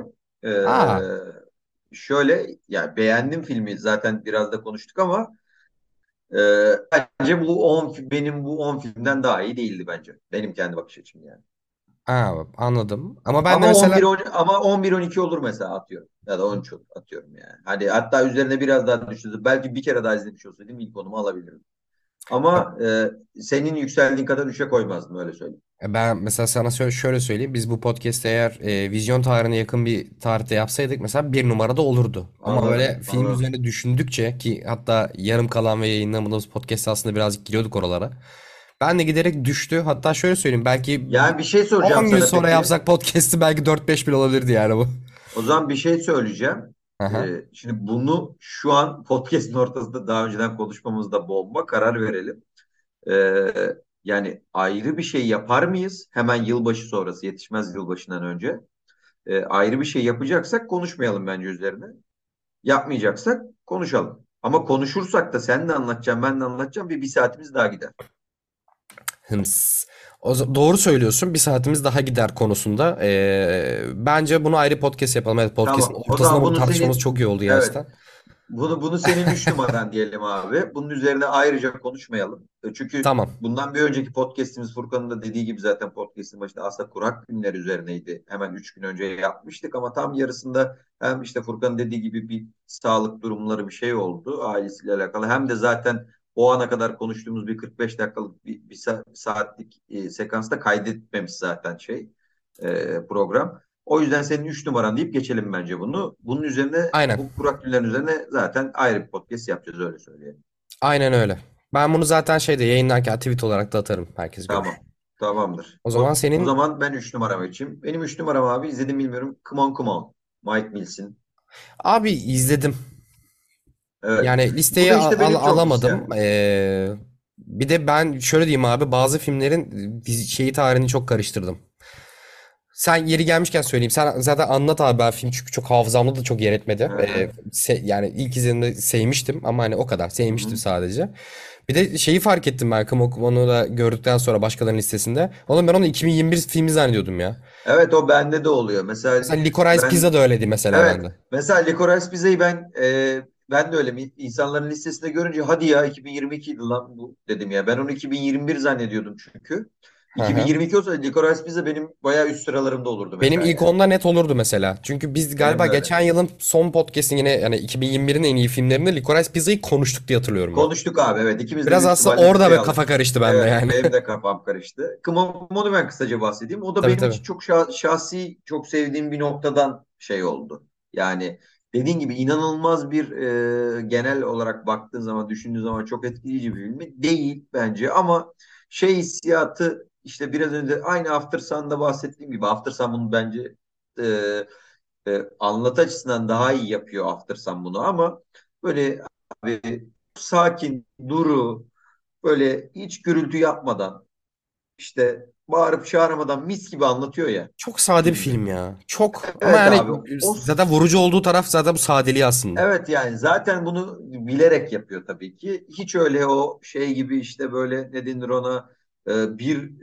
e, sana böyle bir katarsis şeyi sunmuyor. İşte atıyorum sana böyle büyük büyük olaylar vaat etmiyor asla ama e, o kadar sade anlatıyor ve işte şey gibi Evet abi bu ilişki vardı ve e, o çocuk büyüdü ve o çocuk büyürken bu meseleyi yaşadı meselesi. Aslında biraz önceki After Sun'daki After Sun'da konuşurken verdiğim o gene işte kendi çocukluğumla kurduğum şeyle falan alakalı bir meseleden dolayı çok e, ne denir ona beni çok tutuyor. Bir de iki noktası beni çok tutuyor. Bunu yaparken siyah beyaz anlatı aslında çok kör göze parmak bir anlatı ama çok etkiledi beni ilginç bir E şekilde. Çünkü bir Bir de albümden bir fotoğraf gibi oğlum yani. Evet, çok çok nostaljik bir yere e, şey yapıyor, dayanıyor. Ama bir de bir yandan da işte o işte çocuğun böyle o üst üste iki sahnede birden çok ciddi bir noktadan birden o kadar böyle saçma sapan bir çocuk kafasına geçip bambaşka bir şey sorması falan çok hoşuma gidiyor. Yani çok hoşuma gitti o. Ne denir ona? Ee, aslında çok cesur bir çocuk bir yandan ama çocuk bir yandan da. Günün sonunda işte dondurmaya varıyor mevzu falan. Yani o, o, o basitlik, o Küçük mutluluklar sadelik abi ya. evet az o kadar konunun basit olması ve bir de bir yandan da Joaquin Phoenix'in oyunculuğu da mesela benim bu, bu filmi bu kadar üst sıralara koymama şey oldu. Ee, hatta şey işte Umur senden de benden de liste istedi. 50 film çıkmış. Büyük ihtimalle bu film tam 50'den girmiş. Bu filmin 50'den girmesi benim 3 numaramda olmam sebebiyle falan olabilir yani. Olabilir abi. olma sebebiyle falan olabilir yani. Ee, ama dediğim gibi çok gürültüsüz, patırtısız ne anlatıyor dersen böyle şunu bunu anlatıyor gibi bir şey derdi yok. O şeydeki bir çocuğun bir e, ve aslında çocukların ne kadar dünyaya ve e, şeye öğrenmeye e, hayata o aç olduğu tırnak içinde o açlığı o gelişmesi ama diğer taraftan da yaşlandıkça senin kendini dünyaya kapatman meselesi o tezatlık falan çok hoşuma gitti benim. Çok da basit sade anlatması, çok iyi oyunculuklarla anlatması, güzel bir teknikle anlatılması da e, benim hoşuma gitti. O yüzden çok böyle duygusal bir noktadan ben bu filmi bayağı yüksek bir yere koydum öyle söyleyeyim yani. Ya ben filmi izlerken şeyi hiç e, gözümün önünden gideremedim abi ya. Yani Joaquin Phoenix'in biliyorsun kardeşini çok genç yaşta uyuşturucudan kaybetti Evet. gözleri önünde falan. Onun bir draması var. E, hala hatta yani e, uzun zaman boyunca hep böyle hani ona karşı bir özlem duyduğunu falan. Hani zaten söyledi filmde hani bir küçük, o küçük çocukla yani o, o ilişkiyi gördükçe şey diyorum lan hani acaba sette falan arada aklına anladın mı demek istedim? Yani çok bu, Anladım. bu hikaye benzer böyle şey gördüm böyle bilmiyorum yani ben bu çerçeveden çok baktım birazcık böyle o bir tık daha beni üzdü. O yüzden mesela böyle filmler gördüğüm zaman Joaquin Phoenix'i biraz üzülüyorum. Çok dramatik görüyorum onu. Anladım abi. Joker filmdeki gibi delirmediği zamanlarda. Okey, senin iki numarana geçelim o zaman. Benim iki numaram eee, yani çok sevdiğim bir yönetmenin yani Avusturyalı Ulrich Sedel'in Rimini. Ha, benim de sekiz numaramda aynen. Ha doğru senin 8 numaraydı değil mi?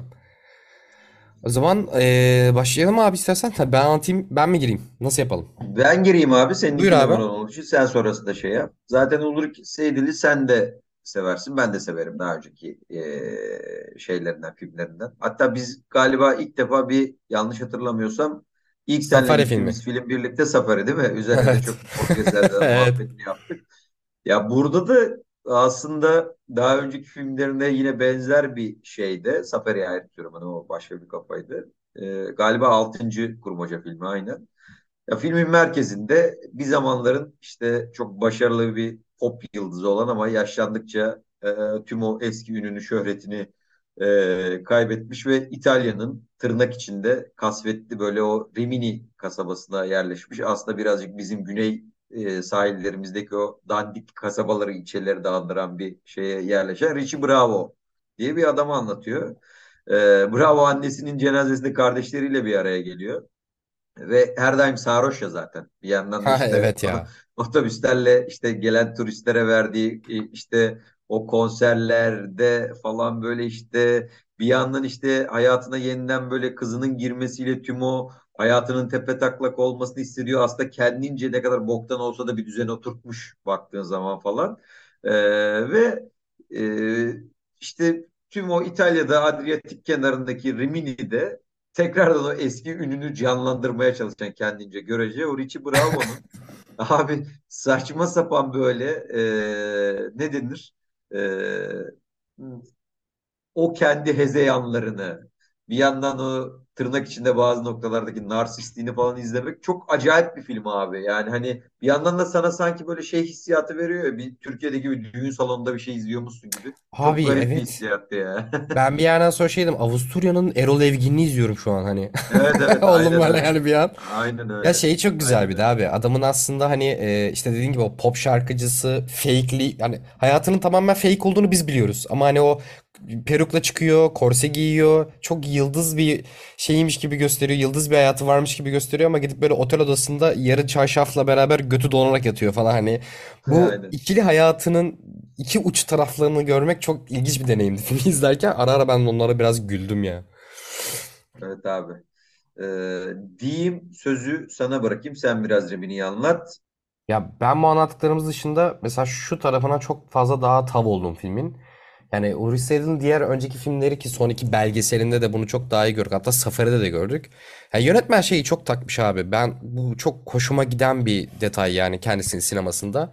Ee, insan mekanını bir arada bir profil bir karakter gibi göstermesi. Yani zaten bütün karakterleri ki belgesellerine de vardı.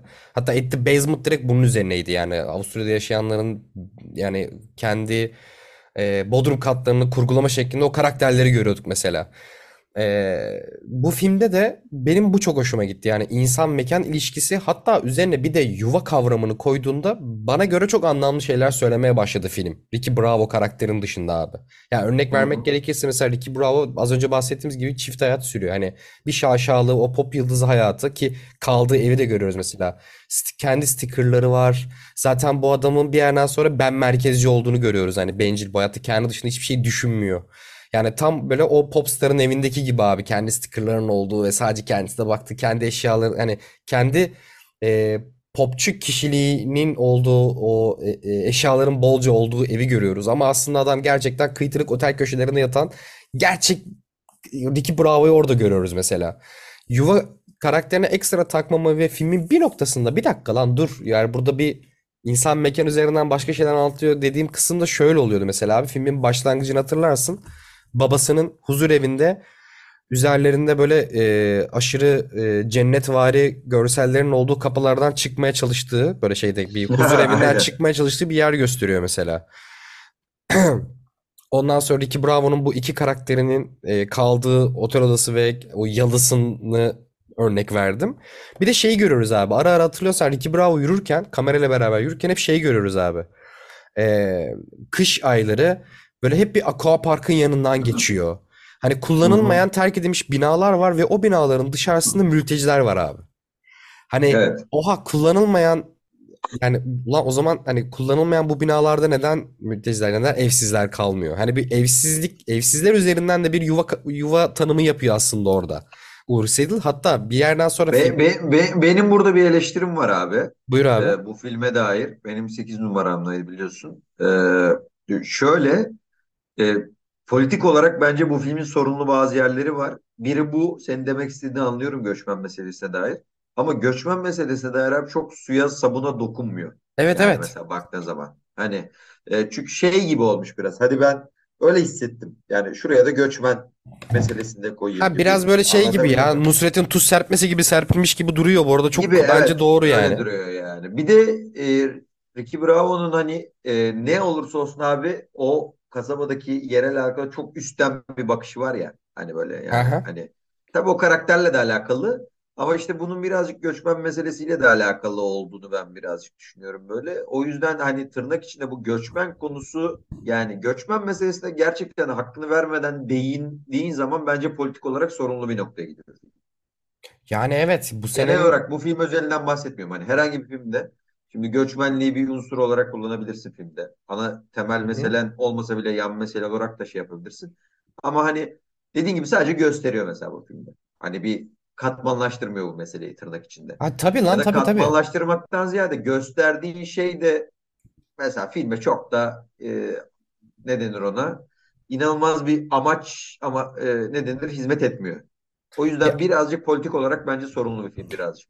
ya şöyle diyeyim abi hani benim mesela bu detayı söyleyip bunu iyi yani sevdiğim bir detay olduğunu söylememin sebebi birazcık şeydi hani filmin Ben sevdim. Bu arada özür dilerim. Ben de seviyorum o detayı ama hani detayına indiğinde bir, o bir detayın da şey detayına çıkmıyor. indiğinde bir şey evet bir şey çıkmıyor. O demek Ya istediğim o yani. dediğin doğru o noktada şey demiyor yani işin derinliğine çok inmiyor sadece nasıl diyeyim sana yani baloncukları boş bir karikatür gösteriyor aslında yani okey yani portresini çiziyor Evet. gibi hani benim sadece kontekst o yani bağlam olarak hakikaten bir yuva ev karakter tanımı yapıp e, göçmenleri hiç kullanılmayan binaların hani orada da yaşayabilirlerdi abi hani onu izleyiciye Evet evet. bırakmış yorumlamak tabii de yani kendi Evet. söylemiyor bunu suya sabuna dokunmadan bunu söylüyor bir yerde suya sabuna dokunmaya bence çalışıyor ama o da o da filmle alakalı tek eleştirim o abi. Orada da birazcık elinde kalıyor gibi. Onunla oraya hemen de oraya gelecektim zaten. Bir yandan sonra Ricky Brown'un kızı giriyor ya hayatına. Hı hı. Ee, ondan sonra kızı farkındaysan yine bir e, mekan insan mekan ilişkisiyle beraber abi bir göçmenle sevgili. Onlar bir karavanda kalıyor. Ondan sonra Ricky Bravo evini açmak istiyor. Evini ondan sonra evini açtıktan sonraki evini evini bir görüyoruz abi. Evi Allah böyle 100 kişi kalıyor evinde falan anladın mı? Hani yine bir şeyleri gösteriyor ama yani orada biraz elinde kalıyor bence göçmenlik meselesi. Ki Urusedi ona da takmış bence burada e, filmde. Hı hı. Hani hazır böyle insan mekan girindeyken dediğin gibi e, göster göstereyim demiş. Bir yerlerde anlatayım demiş. Oralarda çok iyi anlatamamış bence. Hı hı. Sonra zaten bu Evet evet. insan mekan yuva meselesinde artık finalde de şöyle geliyor. Tekrar babayı görürüz o huzur evinden çıkamayan. Artık bir yerden sonra anne hatta şey yani e, kızını evine almasının sebebi kızının hamile olması. Aslında düşününce bir bebek içinde bir anne karnı da yuvadır da getireceğim. E, şeyi ben çok etkileyici buldum mesela. Hemen bu bunun bu, bu bahsettiğim sahnenin akabinde finalde tekrardan huzur evindeki babayı gösteriyor ve ölüm döşeğindeyken ee, yanlış hatırlamıyorsam şarkı mı söylüyordu? Çocukluğuyla Evet. ilgili bir şey söylüyordu. Ağlayarak anne diyordu. Yani yani bir hayatın başlangıcını ve sonunu yuva üzerinden anlatma konusunda Rimini çok farklı bir yerde. Ben yani Evet. böyle ok- okuduğum zaman çok etkilendim filmden. Ricky Bravo'nun zaten karakteri o Avusturya'nın Erol Evgin olması ve o çifte hayatını izlemek de zaten ayrıca bir keyifliydi. Ama sana kesinlikle katılıyorum. Bu benim bahsettiğim, beğendiğim noktada da göçmenlik meselesini katmasa evet belki daha üst perdeden çok daha derin bir film olabilirdi ama göçmenlik meselesini kattığı zaman aga sen burada bunu soktun da bir şey anlatmıyorsun burada. Hakikaten gösteriyorsun. Hani parmakla gösteriyor. Bakın var bunlar. Demek gibi bir şey Evet. aslında düşününce. Ha Evet bağlaman o uyuyor, uyumuyor değil. Zaten uyduğu için benim hoşuma gitti. Evet. E, filmle alakalı tek eleştirim hakikaten göçmenlik meselesini bir de anlatmaya da çalıştığında birazcık elinde kalıyor. Özellikle hani kız karakteri işte yani göçmen sevgilisiyle beraber evine taş taşınma mevzusunda orada böyle bir portre, portre çiziyor aslında. Hani onların nasıl yaşadıklarına dair. E abi hani gösteriyorsun da bir bok anlatmıyorsun'a geldim ben de bir yerde. Tabii filmle alakalı Doğru. tek eleştirim bu. Ama hani genel olarak özellikle bu konteks, bu bağlamda ben filmi yine çok aşırı sevdim yani. Di- Önceki Evet evet ben de filmde sevdim canım. Ben de ısrarla bayağı sevdim yani. altını ısrarla altını çizdiği bu insan mekan ne kadar hani kendi kar karakterine göre doldurursun evini aslında. Bugün senin de evine gelsem evindeki eşyalara bakıp seninle ilgili birçok şey söyleyebilirim ki Uğur Sedil de büyük ihtimalle böyle düşünüyor insanlar için. Kendi yazdığı karakterlerle mutlaka kendi yazdığı karakterlerle ilgili evleri gösteriyor. Zaten hatta bir yerde şey vardı filmin daha başında ki benim de aklımda asıl şey ampul orada yandı abi. Kardi annesinin cenazesinden önceydi ya da sonrasındaydı. Uzun zamandır görmediği kardeşini görüyor ve çocukluk eşyalarının olduğu bir depoya girip tekrardan çocukluk yaşamaya başlıyorlar. Wow, hani daha ne kadar bariz olsun değil mi hani? Aynen öyle. Ben bir yandan sonra o çerçeveyle izlemeye başladım film. Geri kalan her şeyi benim için bir anlamlı, bir mantıklı bir yerde oturdu. O yüzden benim için özellikle final sahnesiyle çok etkilemişti. Evet güzel film. Ben de beğeniyorum. Senin ikin ne? Benim ikim abi Aşk, Mark ve Ölüm. Zaten ben bundan Evet. Bu da bahsetmiştim yine biraz da. izlemediğim Evet. filmler arasında. Burada izlemediğim filmleri şey yapmıştım. İnsanlara burada anlatırım diye. Yani izlemek istediğim hı. ama izlemediğim filmler diye böyle bir liste yapmıştım burada. Anlatırım diye de. O ki- a- aralarında var. Aşk, Mark ve Ölüm. Nisan'da abi İstanbul Film Festivali'nde izledim. Ee, vizyona da girdi. Vizyondan kalktı ama galiba Mubi'ye herhalde bir yere gelir. Yani öyle tahmin ediyorum. Bilmiyorum nereye gelecek Mubi'ye abi. gelecekmiş gibi geliyor onun. Ee, Hissediyorum. bana da ya gelirse Mubi'ye gelir zaten. Yani şöyle söyleyeyim abi. Bir belgesel bu zaten. Ee, Almanya'ya göç mevzunun müzik üzerinden e, müziği tema e, olarak seçerek anlatıyor. Ama yani filmin böyle yapım sürecini düşündükçe belgeselin yani çıldırıyorum abi hani inanılmaz meşakkatli bir arşiv taraması, acayip bir kurgu, inanılmaz ya. incelikli bir iş ve hani şey böyle 60'lardan itibaren başlayan Almanya'ya göç meselesini düşünürken tabii müziği daha düşünmemek gerekiyor abi. Çünkü oraya göçerken bu insanlar en başta Elbette ki e, asıl temel mesele para e, meselesi ama ne olursa olsun hala e, işte e, üzerinden e, 60'larda göçtüklerini düşün. İşte 60 yıl geçmiş. 60 yıldır bir entegrasyon meselesi var orada. Hani asla hiçbir zaman tam olmuyor. Asla olduğunu düşündüğün noktada bir yerde patlıyor. Patladığını düşündüğün zaman ama çok iyi entegre olan da oluyor. Ya bir sürü mesele var ya oradaki gurbetçilik mefhumu üzerine. Hı. Yani Cem Kaya da o da zaten o da bir gurbetçi. Ee, bu müziği hiç bu meseleden ayırmadan çünkü oraya giden insanlar oraya kültürünü de götürüyor. Kültür dediğin şeylerden en büyük e, öznelerinden biri de müzik baktığın zaman. Ee, bunu inanılmaz oturtuyor filme. Üçe bölüyor. Aşk, Mark ve Ölüm diye. Aşkta anlatılanlar abi ilk göçmen, ilk göçüş sırası. Aslında baktığın zaman e, birazcık e, iyi bir hayata duyulan aşk.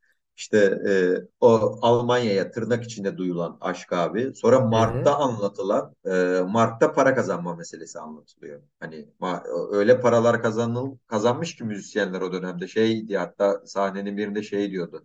Ya paraları en son düğün bir düğün yapardık biz burada Türk düğünü ya da Kürt düğünü neyse. Ee, o düğünden o düğünden sonra diyor yerdeki paraları elektrikli süpürgeyle çekerdik diyor. Donumdan monumdan para çıkıyordu falan diyor adam yani. Her yerimden mark çıkıyor diyor. Bir de markın şeyi vardır hep. Ee, yönetmen de bunu söyle işte söylemişti. Hani Euro'dan önce Almanlar hep böyle o şeyde e, hala o konuşulmuş. Mark daha bereketliydi falan diye. Hani Euro'ya göre. Ha, Mark'ın bir okey. bereket Mark Mark'ın bir bereketi vardı ya falan diye. O tabii dünyanın ekonomik şartlarıyla da alakalı. Çünkü şöyle düşün işte e, 80'lerde 90'ların başında işte markla mark kazanıp güzel para kazanıp orada işçilik yapıp ya da işte kendi işini kuran insanların çoğu bir şekilde Türkiye'ye gelip buradaki yazlığını, kışlığını bilmem nesini almış hep baktığın zaman. Hala alabiliyor tabii ki kur farkıyla ama şimdi ne olursa olsun daha zor baktığın zaman dünyanın ekonomik durumunu düşündüm. Mark'ta o anlatılıyor. Ölüm kısmında da ölüm kısmında da daha böyle 90'larla beraber artık daha böyle hip hop tarafını işte kartellerle başlayan Almanya'daki işte şeyle e, sonra işte Killa Hakanlarla bilmem nelerle devam eden e, şey meselesi e, bir yandan da ırkçılığın artması. Her zaman var tabii ırkçılık ama neonazilerin daha bir baş kaldırması. İşte özellikle sanıyorum 90'ların sonu 2000'lerin başlarında e, Türk ailelerinin evlerinin yakılması işte bir ailenin orada yanması can vermesi. Bunun üzerine işte bir sürü orada gösterilerin olması bugün işte Fransa'da yaşandığı yaşandığı gibi ırkçı bir Fransızın işte e, Kürt dükkanlarına ve kültür merkezine saldırıp Kürtleri öldürdükten sonra Kürtlerin bugünkü isyanı gibi orada da Türklerin biraz başkaldırışı ve bu, bu başkaldırışın e, birazcık işte rap müziği de tırnak içinde işte bugün e, hep ben benim işim müzik olduğu için Türkçe rapi falan arada konuşuyoruz podcastlerde ya da kendi e, so, e, dost sohbetlerimizde e, Türkçe rap'in temelleri aslında o dönem Almanya'da atılıyor. İşte Islamic Force'lar, işte dediğim gibi karteller, sonrasında Killa Hakanlar e, ve bunların hepsi aslında zaten hip hop'un e, tırnak içindeki e, gelen hip hop kültürü isyandan geliyor. Bir yandan orada da ırkçılığa maruz kalmanın getirdiği isyan ve öfkeyle hip hop'un patlaması ve bunu da işte ölüm sekansında göstermesi, üçe bölmesi hikayeyi. Acayip abi. Tabii bir de tüm bu müzik yolculuğun, bu müziğin yolculuğun yanında Almanya'daki Türklerin durumunu da sana çok iyi anlatıyor. Irkçılığı, yabancı olma mefhumunu, işte e, tüm bunları şey yaparken şimdi biz bazen bizim ülkemiz ekonomik olarak o kadar boktan bir durumda ki hani tırnak içinde bir de genelde hep gurbetçiler e, siyasal İslam'a oy verir ya AKP'ye oy verir ya e, çoğunluğu öyledir hani baktığın zaman.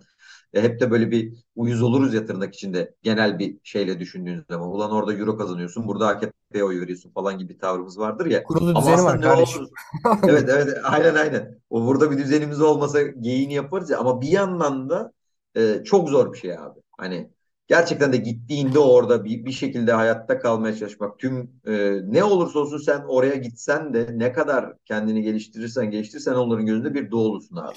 Yani sen bir batılı değilsin, bir beyaz değilsin onların gözünde baktığın zaman. Ve gurbeti iliklerine kadar hissediyorsun aslında bunu izlerken. Ve işte tam da bu şeyi izlerken e, ne denir? Oradaki ırkçılığı izlerken bir yandan da şeye çok şaşırıyorsun. Ulan orada bu, bizim insanımız, buradan giden insanımız o kadar ırkçılığa maruz kalırken bizim ülkemizde mülteci düşmanlığı bu kadar tavan yapıyor falan. Hani onu düşünecek film daha da kıymetli geliyorsan senin gözünde. Ee, ve dediğim gibi bunları anlatırken Cem Karacası var abi, işte e, Derdi Yoklar ikilisi var, Yüksel Özkasap var, Oo, Köln Bülbülü mükemmel arşiv lan. mesela. Aynen Yüksel, Yüksel Özkasap var, işte Hatay Engin diye biri var, Derya Yıldırım var, işte o kadar böyle işte rap tarafı var. Hatta şey var, filmin sonlarına doğru bu meşhur şarkı vardı ya işte Çetin Çet, Çetin bir şeydi, Zilihti Mayne Namın diye bir şarkı. Aha. İnternet kafelerde çalardı bir ara. İşte o onunla falan röportajlar. Ee, ve işte tam böyle ulan bana çok güzel şeyler anlattı bu film beni acayip yakaladı daha da bir yerden yakalayamaz dediğin anda müziğine tutulduğunda oradaki Türklerin durumunu anlatırken hop birden böyle işte şeye giriyor. Almanya'daki Türk For- Ford'da çalışan Türk işçilerin işte grevini gösteriyor falan. Daha da yükseliyorsun filme. Yani baya böyle abi dediğim gibi yani müzik müzik üzerinden tabii ki filmin asıl mevzu müzik ama müzik üzerinden o tüm Almanya'ya gurbete dair e, birazcık da ben çok ilgiliyim bu meselelere. ilgisi olan insanları o kadar güzel bir işçilik ve kurguyla o kadar güzel şarkılarla anlatıyor ki kesinlikle tavsiye ederim abi. Çünkü boş beleş bir bu iş bu meseleye de çok belgesel bulunur, bulunur bu arada. Hani atıyorum Almanya müzik falan diye. Hani da YouTube'da işte onun röportaj falan. Bunda röportajlar da var ama röportajların ya yanında yaşanan mevzular yaşanan meseleler, onun üzerine işte e, müziklerin çok iyi kullanılması derken bayağı etkileyici. E, fırsatın olursa e, ya işte malum yerlerde ya da işte bir platforma geldiğinde kesinlikle tavsiye ederim. Öyle diyeyim biraz uzun konuştum. Yok yok. Ağzına sağlık abi. Sen bana bunu ilk anlattığında da ben inanılmaz iştahlanmıştım buna. Çünkü şey yani müziğin yani müziğin bir sonuç olduğunu e, kültürel bir şeylerden beslenerek ortaya çıktığını anlatan filmleri bir severim. İki hatta sen ilk anlattığında sana şeyin örneğini vermiştim. Abi şey gibi bir film mi diye Fatih Akın'ın Crossing the Bridge gibi. Hani onunda da e, müzik biraz daha Evet. gibi Hı ama hı. daha iki kültürün birbirini etkilediği yani da- orada daha Evet yüzeysel evet. onun daha çok sosyolojik bir temeli Evet. yoktu. Ya Ama şöyle senin bu söyleyeyim anlattığın ben daha Cross, sosyolojik derinliği olan ve temeli olan evet bir ben ben müzik Crossing of the. Bridge'i evet Crossing of the Bridge'i çok severim. Hani e, hı.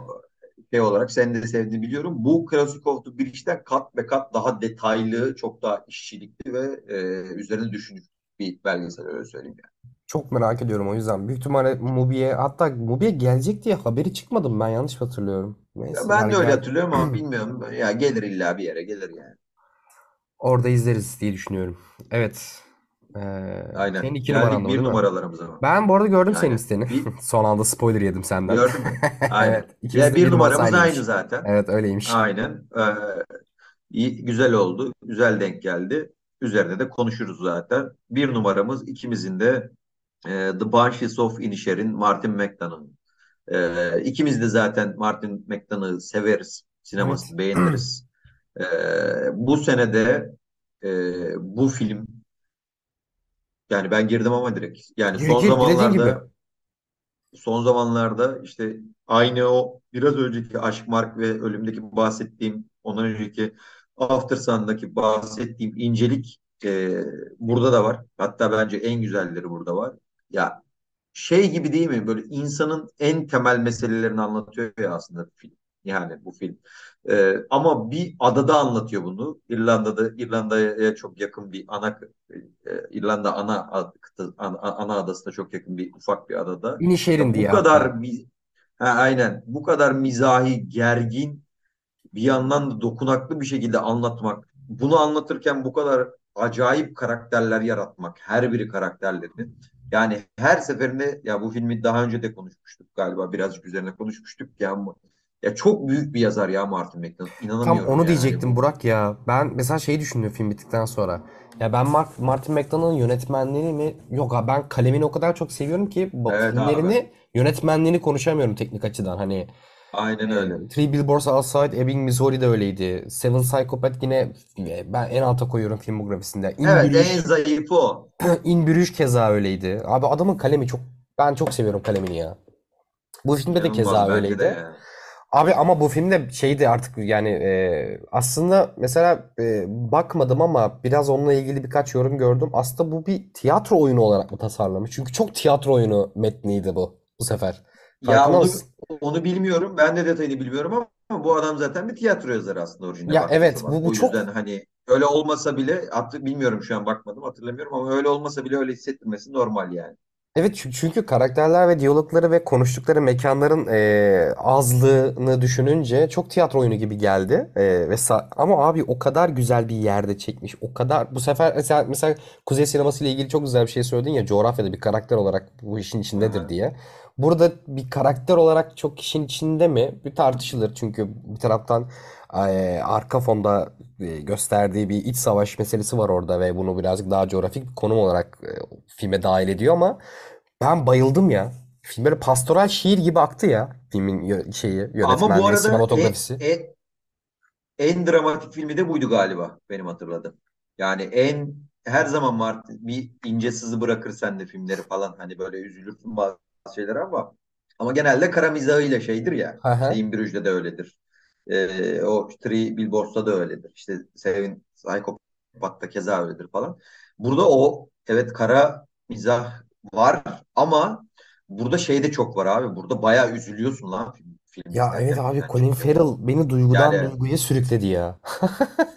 Abi ve şey çok inanılmaz insanın kendisiyle kendisini e, geli, kendisini gerçekleştirmesiyle alakalı bir şey değil mi? Yani ben seninle arkadaş olmak istemiyorum demektir. Ya çok İnanılmaz basit insan bir bir şey filmdi bu arada. Yani şey çok Evet abi. çok in- yani bir, sana bir soru sormadan önce ki bu- biz filmden sonra eşimle ya Bahar'la çok tartıştık bunu. Ee, ben sadece şeyi soracağım. Birincisi dediğin gibi çok küçük bir hikayeden çok büyük bir film çıkarmış ve çok güzeldi.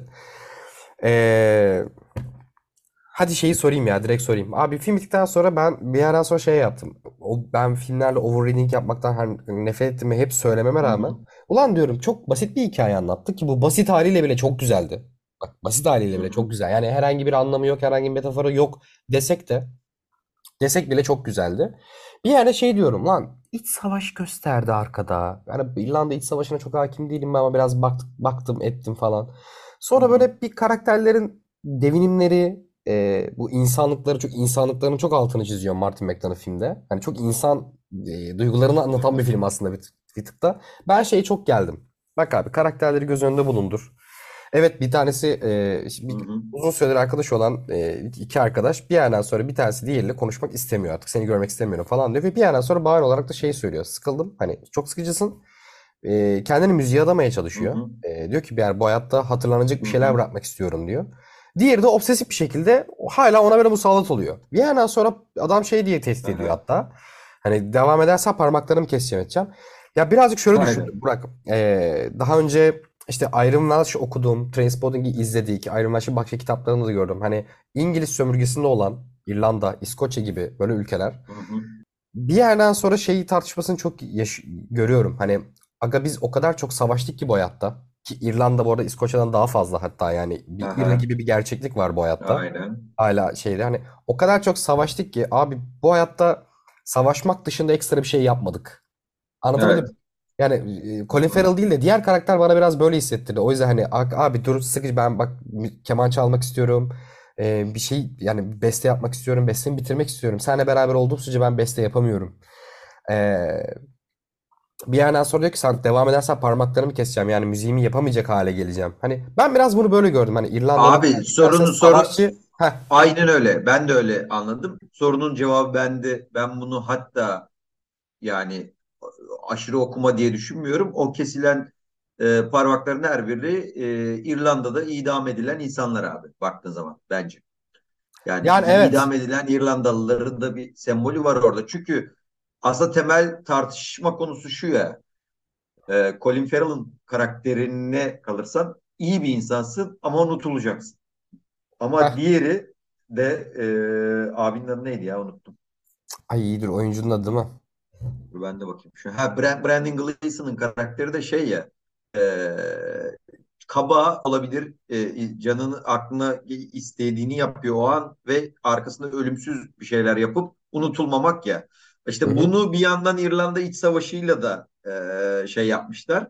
E, temsili birleştirmişler. Bir yandan da abi şey e, de var bence. Hani e, Brandon Gleeson'ın karakteri neydi? Ha, şey e, Colm. Colm karakteri aslında kendini gerçekleştirmek istiyor ama ben de bir, bir de biraz şey gibi de hissettim. Asla o besteyi yapamayacağı için de o parmaklarını kesiyor. Heh, Yani çok güzel bir kendi noktaya kendi değindin. Kendi kibrinden dolayı da. Çünkü o ne diyor? Ben, eğer sen benimle bir daha konuşmaya devam edersen ben bu parmaklarımı keseceğim ve o besteyi yapamayacağım diye. Tamam bizimki hödük zaten. O dümdüz bir iyi niyetli bir adam hikayede baktığın zaman hani tırnak içinde. Ama işte o birazcık kendini gerçekleştirememesi konusunda o o kibri, o narsistliği de devreye girdiğinde birazcık bahanesi de tırnak içinde oluyor bence. Hani o, o parmakları kesme muhabbeti. Çok güzel bir noktaya değindin abi. Bu dediğini iki tane cümlesi, bu Colm karakterinin iki tane cümlesi çok güzel ayyuka çıkartıyor. Bir, e, şeyin, e, Patrick'in kardeşine, kız kardeşine söylediği bir cümle var. Şey diyordu, kaçınılmaz olanı ertelemiş gibi hissediyor musun sen de arada bir diyordu. İlk parmağını kestiğinde. Sonra Evet. beş parmağını birden kestikten sonra Colin Farrell'la karşılaştığında şey diyor, özür borcun yok. Hatta üzerinden yük kalktı dedi diyor. Çünkü artık onu Aynen öyle. besteleyemeyecek durumda. Hani Hatta şey de diyor yapamayacak ya durumda. Hatta işte e, Fredrik şeye diyor ya Kolma yani sikmişim Mozart'ı falan diye bir şey diyor ya boş ver falan diye. Orada bir rahatlıyor mesela Kolma aslında hani o anda hani, e, şeyi. Bir de bu ikisi üzerinden girerken yan karakterler de çok acayip. Mesela işte e, Kerry Condon'un oynadığı o Sibo'nun e, karakteri Sibo'nun abla da çok iyi oynuyor. Onun başka bir hikayesi var. Ay O da o evet. boktan adadan bir şekilde gitmek O istiyor. aralarındaki tek entelektüel birikimi olan Aynen. karakter hatta yani. İşte bu çocuk zaten çok büyük oyuncu olacak zaten kaç zamandır çok iyi işlerde oynuyor. Ee, Dominic karakterini oynayan o Barry Keoghan Ay çocuk evet. inanı, inanılmaz bir oyuncu olacak. Önümüzdeki büyük ihtimalle 5-10 yıla damga vuracak o çocuk yani. Hani her rolünde çok başka bir noktada oynuyor. Yani velhasıl benim benim için şöyle bir filmdi. Mesela ben şu o Colm'un söylediği cümleyi seninle arkadaş olmak istemiyorum. Bunu bir arkadaşıma söylesem tabii ki doğal olarak neden der. Ve e, yo artık sen seni sevmiyorum ve senden sıkılıyorum. Abi o kadar çok arkadaşıma söylemek istiyorum ki bunu aslında Ya evet. gerçekten ya. Bir de bu arada bu Gerçekten kararı da çok hızlı alabilirsin hakikaten de ya. Biz bir arada onu tartıştık böyle. Hani diyor ki, Ya dün, be- ben dün beni seviyordun ama diyor. Bugün hoşlanmıyorum artık senden diyor ya. Mesela evet oralar çok abi bu yani taraftan. evet abi yani gerçekten o kadar çok insana bunu biraz cesur olsam söyleyebilirim ki ve aynı bu mevzuları yaşarız. Niye niye söyledin bunu bana? Ne oldu? Ne yaptık falan. Hayır sadece seni sevmiyorum ya. Kendimle alakalı bir derdim var belki de. Zaman Ya yani? şeyler de çok Şu an güzeldi abi. şeydi, bu podcast'i şey diye kapatsam çok iyi olmaz mı? Bunca şeyin üzerine. Bu son podcast'imizde Furkan çünkü artık seni sevmiyorum falan diye kapatsam. Çok Evet ya ve bitirme kararı alsaymışız böyle. Ya yarın arıyor musun beni? Ben Ne oldu falan. Obsesif bir şekilde bağlanmışım ben Evet, sana. evet. Eşeğimle Ben beraber diyorum, kapına geliyormuşum. aynen. Ben de diyorum şimdi bak gelirsen gözümü çıkarırım bir daha film izlemek için. Şey Ya çok çok çok ince filmdi abi ya. Devam etsen de çok Ya çok çok etkiledi beni yani. Çok garip bir şekilde aşırı etkiledi öyle söyleyeyim. Ya ben de yani in- in- yani ins- çok insan bir filmdi. Her şeyden önce bu beni bu çok küçük bir hikayesi olması çok etkiledi. Bir yandan ama hani e, o az önce bahsettiğimiz o arka taraftan gösterdiği hani biraz kendi bir Irish kültüre getirdiği o yorumlar çok hoştu. Bir şey şeyler de çok güzeldi. Polis ve din adamının Evet. karakterlerine baktığı zaman çok güzel şeyler de anlatıyor bir taraftan. Hani bir taraftan hikayesini çok basit tutarken bir taraftan karakterlerini derinleştirmekten de hiç imtina etmemiş karakter şey yani Martin McDonagh. Öyle. Mesela film bittikten sonra onu söyleyeyim. Film bittikten sonra biz mesela Bahar'la oturup tartıştık. Dedi ki ben hiç senin az önce söylediğimi anlattım ona da. Dedi ki ben hiç öyle bir şey çıkarmadım. Bence çok basit bir hikaye anlatmış ve bence bunu çok güzel anlatmış dedi. Ben diyorum Hı hani hı. ya evet bu arada yani herhangi bir anlam çıkarmadan sadece basit anlattığı yani izlediğimiz hale baktığın zaman da mükemmel bir film. Ama ben mesela şey diyorum öyle cümleler var ki mesela e, çok sim ben basit tutamıyorum hikayeyi. Örnek vereceğim. Filmin finalinde direkt final sahnesinde artık araları çok büyük boka sarıyor hatta yani. Şimdi biliyorsun hani parmakları kestikten sonra yanlışlıkla eşeği ölüyor bilmem ne artık intikam yeminleri ediyor bir yerde. Colin Farrell şey diyor ya şey pardon e, sahilde şöyle bir konuşma geçiyor arasında. Bir süredir karşı taraftan çatışma sesleri gelmiyor diyor. Evet Evet. diyor. E, belki de savaş bitti diyor. Yok e, belki de sonra tekrardan çatışmaya başlayacaklar. Belki de iyi olanı budur diyor abi Colin Farrell. Hani bir Aynen. taraftan sanki bir dakika şu an eşim başımda E, söyle hadi bak. Ben basit bir hikaye anlatıyor demedim. Ben dedim ki e, adam kendi adını bırakmaktan bahsediyor, ülkesinin değil. Tamam. Anladım. Ben de bunun Ben temsili de olduğunu söylemiştim. evet ben de katılıyorum ona. Ama i- Ha. iç savaşı da sıkıştırıyor bir yandan da. Bahar girdi araya da. Ya evet var. Onu, da sesi gelse an- kendi anlatsın dedim. Ben onun yanına anlamayayım. Aynen aynen. Ya şey bence e, mesela şey beni çok mutlu etti. Mesela intikam yemin ediyor ya senin Hı evini hı. yakacağım diyor. Ama diyor şeyi çıkartıyor ya onun hayvanını falan. Abi çok Abi güzel. hayvan sevgisi bu konuda ne kadar güzel işlenmiş onların arasında ya. Yani Colin Farrell'ın bütün film boyunca hatta altını çize çize ben iyi bir kalpli bir insanım. Ha- Hani kibar olmak hayatımda gördüğüm ilk defa bir şey olarak küfür olarak bunu algılıyorum falan deyip eşi öldükten sonra psikopata bağlaması. Ama bir taraftan da orada şeyin e, arkadaşının köpeğine zarar vermemesi. Filmin sonunda da köpeğime baktığın için teşekkür ederim. Hani hala sinirli ama köpeğime baktığın için Bir de- teşekkür ederim diyor ki ve her zaman diyor ya. Ya o kadar güzel noktalar ki bunlar. Ya kalemine Bir de, sağlık böyle- bir de gerçekten abi ya. ne olursa olsun bunlar İrlanda köylüsü abi. Ay Tamam mı? evet Bak bu arada. 2 kilometre uzağında dünya yanıyor. iç savaş var. En büyük derdi arkadaşının ona küsmesi abi. Abi evet. Hani takılmış oraya anladın mı yani? Dünya yanıyor, ülkesi yanıyor, iç savaş var, kardeş gidecek falan. Yok o arayı onunla iyi yapacak ama. Yani ne anlayamıyor ya o meseleyi. Gerçekten bir de şey de çok bence orada da bir illaki bir şey vardı. İrlandalıların bu inatçı ve alkolik olması meselesi falan. Abi evet. Zaten biraz oradan geliyor ya. Yani hatta şey yani birazcık baktığımda zaten şey bu iç savaş meselesi biraz öyle ya. Hani yıllarca İngiltere ile savaştıktan sonra bir anlaşma imzalıyorlar ve anlaşmanın ya okey olan bir grup İrlandalı var. Okey olmayan hayır abi hani hani ben biraz o yüzden onları temsil olarak gördüm. Yani bir taraftan da hayır ya deyip böyle hani İngiltere boyunduruğunun içerisine girmek istemeyen işte İrlanda neydi? Irish Republic Army yani. Hı hı. İrlanda. Cumhuriyet Ordusu yani düşününce. Abi sürekli savaşan, savaşan, savaşan, savaşmaktan yılmayan ve savaşarak kendini ifade eden. Hani bir taraftan sanki Martin McDonagh kendi milletini böyle görüyor ya da bütün gerçekten kendi milletinin tanımını yapıyor. Irish kültürle alakalı çok bir şey bilmediğim için çok net tas- şeyler yapamıyorum ama hani biraz o inatçılığı ben öyle yorumladım mesela. O yüzden dedim Ya zaten filmin şöyle. sonunda hani yani ileride tekrar devam edebilir. Belki de iyi olan budur demesi Colin Farrell'ın. Ya tabii ki tabii ki şöyle İrlanda kültürüne dair bir arkada bir anlatım var. İç içe de geçiyor ama bu me- bu filmin asıl meselesi tüm bu Irish kültürden ziyade gerçekten insan meselesi abi. Evet O ya, kadar o. insana dair bir şey ki ve hani birazcık orada Bahar'a da biraz önce dediğine katılıyorum. Aslında tabii ki yani bir orada bir ülkeyi temsil ediyor. Adamın kendi varoluşuyla alakalı bir derdi var. Evet Kol- belki de sanatçı tribidir kol- diyor Bahar. Hani Evet abi ya o da olabilir yani anladın mı? Ben seninle vakit geçirmek istiyorum. Bu kadar basit de olabilir Evet, aslında yani. bu kadar. Anladın Yok, mı yani? işte Hani her şekilde. Hangi çerçeve yerleştirirsen yerleştir inanılmaz güzel çalışan bir senaryo. Ya çok hoşuma Aynen öyle. gidiyor. Ya Three Billboards da öyleydi, onu In Bruges de öyleydi düşününce ama bu bambaşka ya. Olabildiği kadar Ya sade bence tutmuş. be- Hangi çerçeveden bakarsan bak harika bir film yani. bak bence şöyle In Bruges ve Three Billboards hatta Seven Psychopaths bile izlenmesi ve hani sürükleyici olarak bu filmden daha şey filmler. Ee, ne denir? Daha akarı var. Daha e, tırnak içinde e, tırnak içinde ana akıma daha yakın filmler. Bu film Akıcılar ama kurgu olarak. Aha. Evet, daha akıcı. Bu filmde de şöyle bir şey var. Aslında bir yandan zor gibi duruyor. Bir yandan da bu kadar basit bir mevzuyu biz iki saat boyunca falan hiç sıkılmadan izliyoruz abi. Abi evet hiç İnanılmaz bir şey sıkılmadan ya. ya. Yani Gram iki saat ayırmadım. boyunca iki saat boyunca bu meseleden hiç sıkmadan bir şeyi anlatmak çok acayip bir yazma yeteneği abi. O yüzden bu adam bence bir deha. Yani hani nasıl işte Yeri geliyor çok eleştiriyoruz ama Tarantino'nun işte e, Soysuzlar Çetesi'ndeki ilk 45 dakikasını konuşuyoruz o yazdığı metni, gerginliği falan.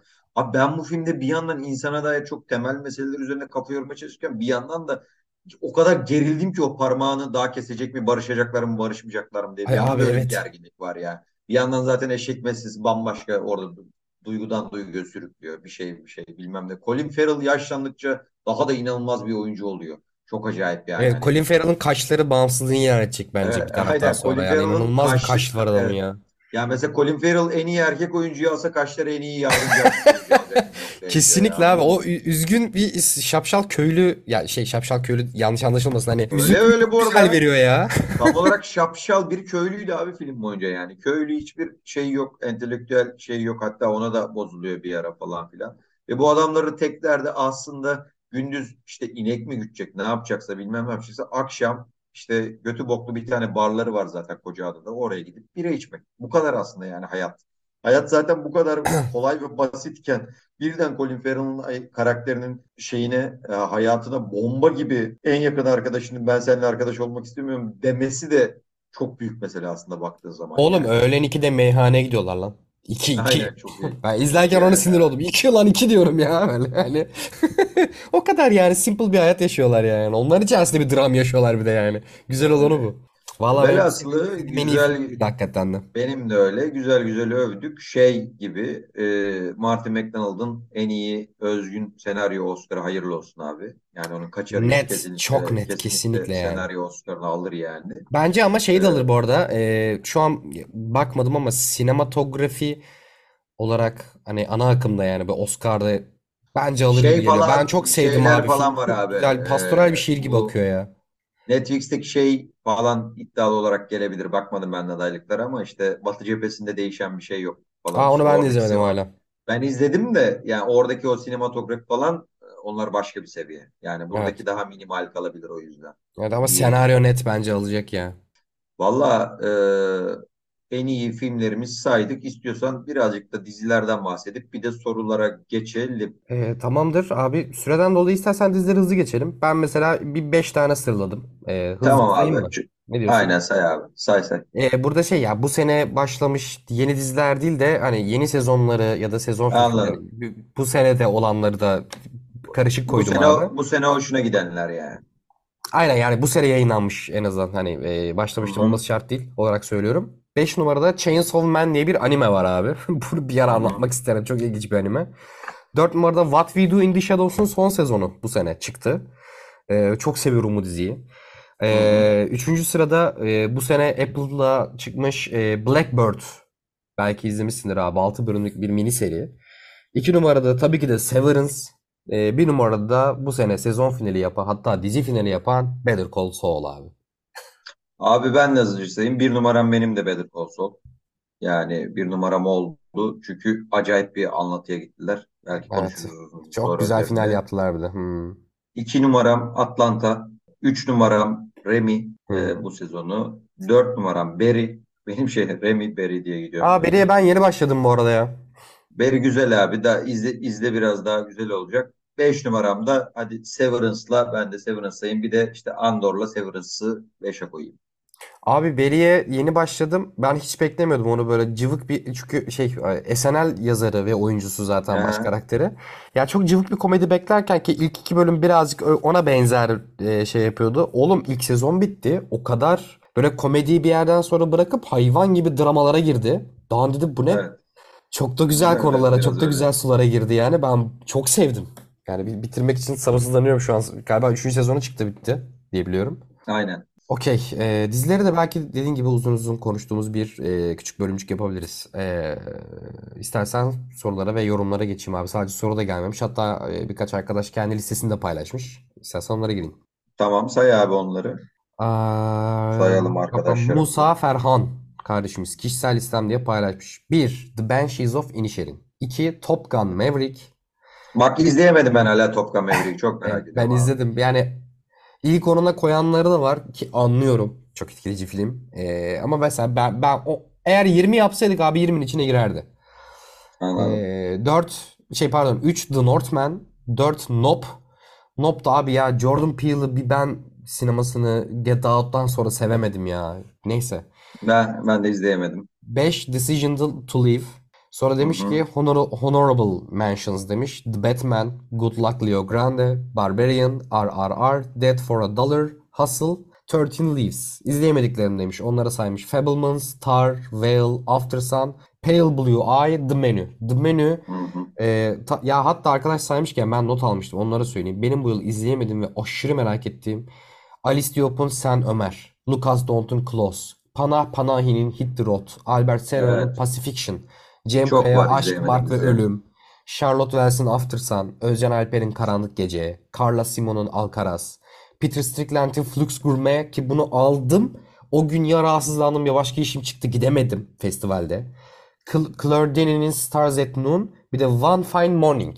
Bunlar izlemeyi aşırı isteyip izleyemediğim filmlerdi. Maalesef listeyi de o yüzden alamadım. Yeri gelmişken bahsedeyim dedim Burak. Araya girdim. İyi Pardon. yaptın. Sen de benim izleyemediğim çoğunu saydın zaten. Ben ekstra saymıyorum.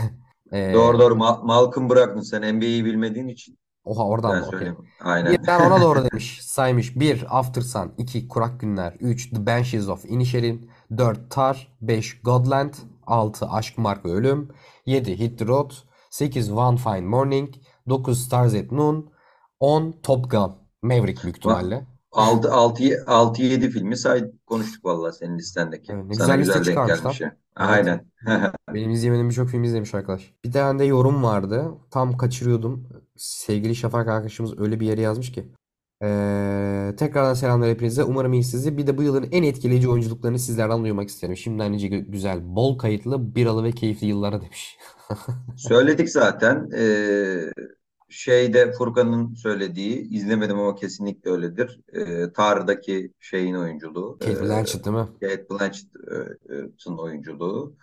Onun dışında benim saydığım filmlerden e, Reminda'daki oyunculuk benim çok hoşuma gitti. Colin Farrell'ı biraz önce saydık. Colin Farrell Ee, çok güzel oğlum ya. Banshees of Böyle Inisherin'de. hatta Banshees of Inisherin'deki tüm oyunculukları sayabiliriz abi. Çok güzel. Evet ama yani k- Baş- kadraj, ana kadraj genelde Colin Evet, Farrell'da tabii, olduğu Colin için Farrell'da. inanılmaz güzel oynamış yani. Başka ne saydık? Saydıklarımız arasında böyle oyunculuk güzel Şeyin oyunculuğunu ben sevdim. Filme ne kadar burada sövsem de şeyin baş karakteri ah baş oyuncusunun adını unuttum şu an. Ev, e, Allah. Everything Everywhere All at Once. Michelle Yeoh. heh.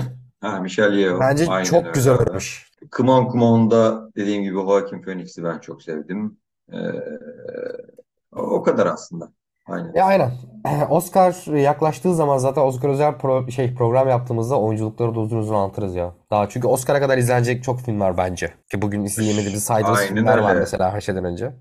Şafak bir önceki podcast'te sorduğunda e, şeyde yaptığımızda en iyi filmleri yaptığımızda söyleriz demiştik. E, ne yazık ki Kurak Günleri izleyemedim ama bu sene izlediklerinizden 3 filmlik en overrated, underrated bir de fail rates. Fail rates ne demek oluyor tam? Güvenli oy gibi. Şey yani yok lan şey yani okey ederi bu gibi. Ha ederi bu gibi anladım. Aynen. Ederi bu gibi.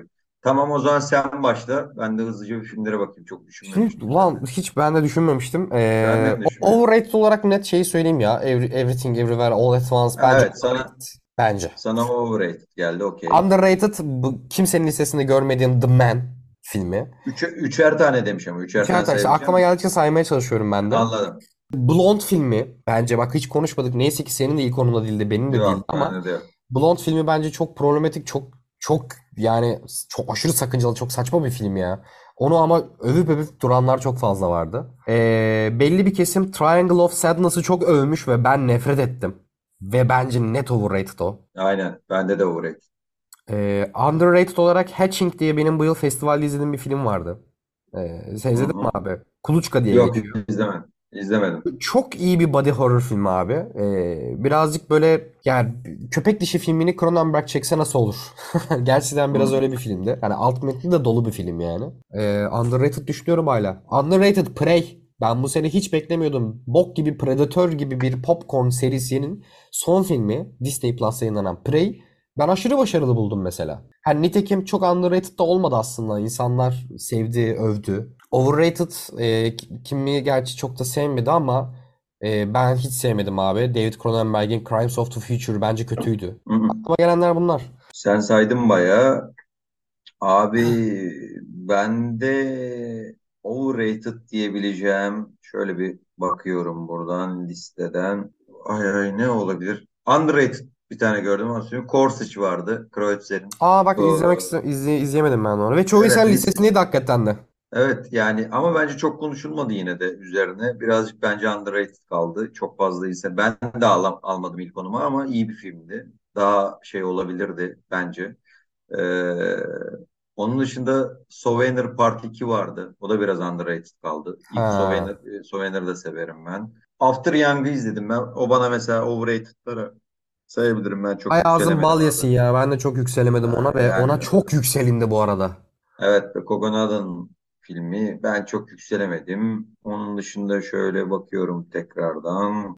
Yani şöyle e, Kurak Günler bence iyi bir film ama bence birazcık overrated olmaya doğru gidiyor. E, yani onu sayabilirim mesela overrated dediğimizde. Hmm, İkişer tane saymış oldum. Üçüncüleri vallahi bulamadım şu an. Biraz daha detaylı bakmam lazım. E, ama işte o Ederi bu dediğimizde de Ederi bu filmlerini aslında aslında benim listemden şöyle baktığımda The Banshees of Inisherin zaten e, ederi bu bence. Çoğu Herkes insanın bayıldı ona ya. Sıralarında bayıldı.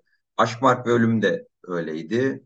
E, After Sun da öyleydi bence. Bu üçü bence zaten e, tırnak içinde ne denir mesela işte Everything Everywhere All at Once'a o kadar diyemem ederi bu diye. Çünkü çok işte se- senin gibi e, overrated bulan da var. Ama dediğim gibi The Banshees of Inisherin, Aşk, Mark ve Ölüm ve After Sun e, üçü de çok üst sıralarda ve ederi de aslında bu olarak sayabileceğim filmler.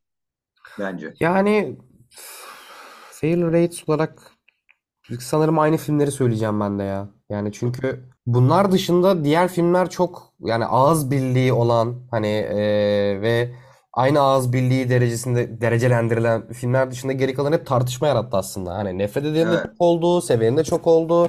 E, biz de şimdi bir tarafta bulunduk hep. O yüzden onlara yani fail'i diyemiyorum mesela ben de. Aynen öyle. Ee, bu iki kadar. saati geçtik galiba değil mi yine? Ha, İyi, aynen. güzel bir podcast o. Ama normal. Çok da geçmedik ama Hmm, merak etme. o- olsun. Yılın en iyilerini konuştuğumuz podcast'te de iki saat olsun. Sıkıntı yok. Ee, Coca-Cola sundu bu Aynen. bölümümüzü. Teşekkür 2022 ederiz. yılının en iyilerini konuştuğumuz bu bölümümüzün sponsoru Coca-Cola'ya da katkılarından dolayı teşekkür ederiz diyelim. Aynen öyle. Çok teşekkür ederiz. Ee, bizim için de keyifli bir sohbet oldu. Umarım siz de e, güzel bir şekilde dinlersiniz. Kendinize iyi bakın. Görüşmek üzere.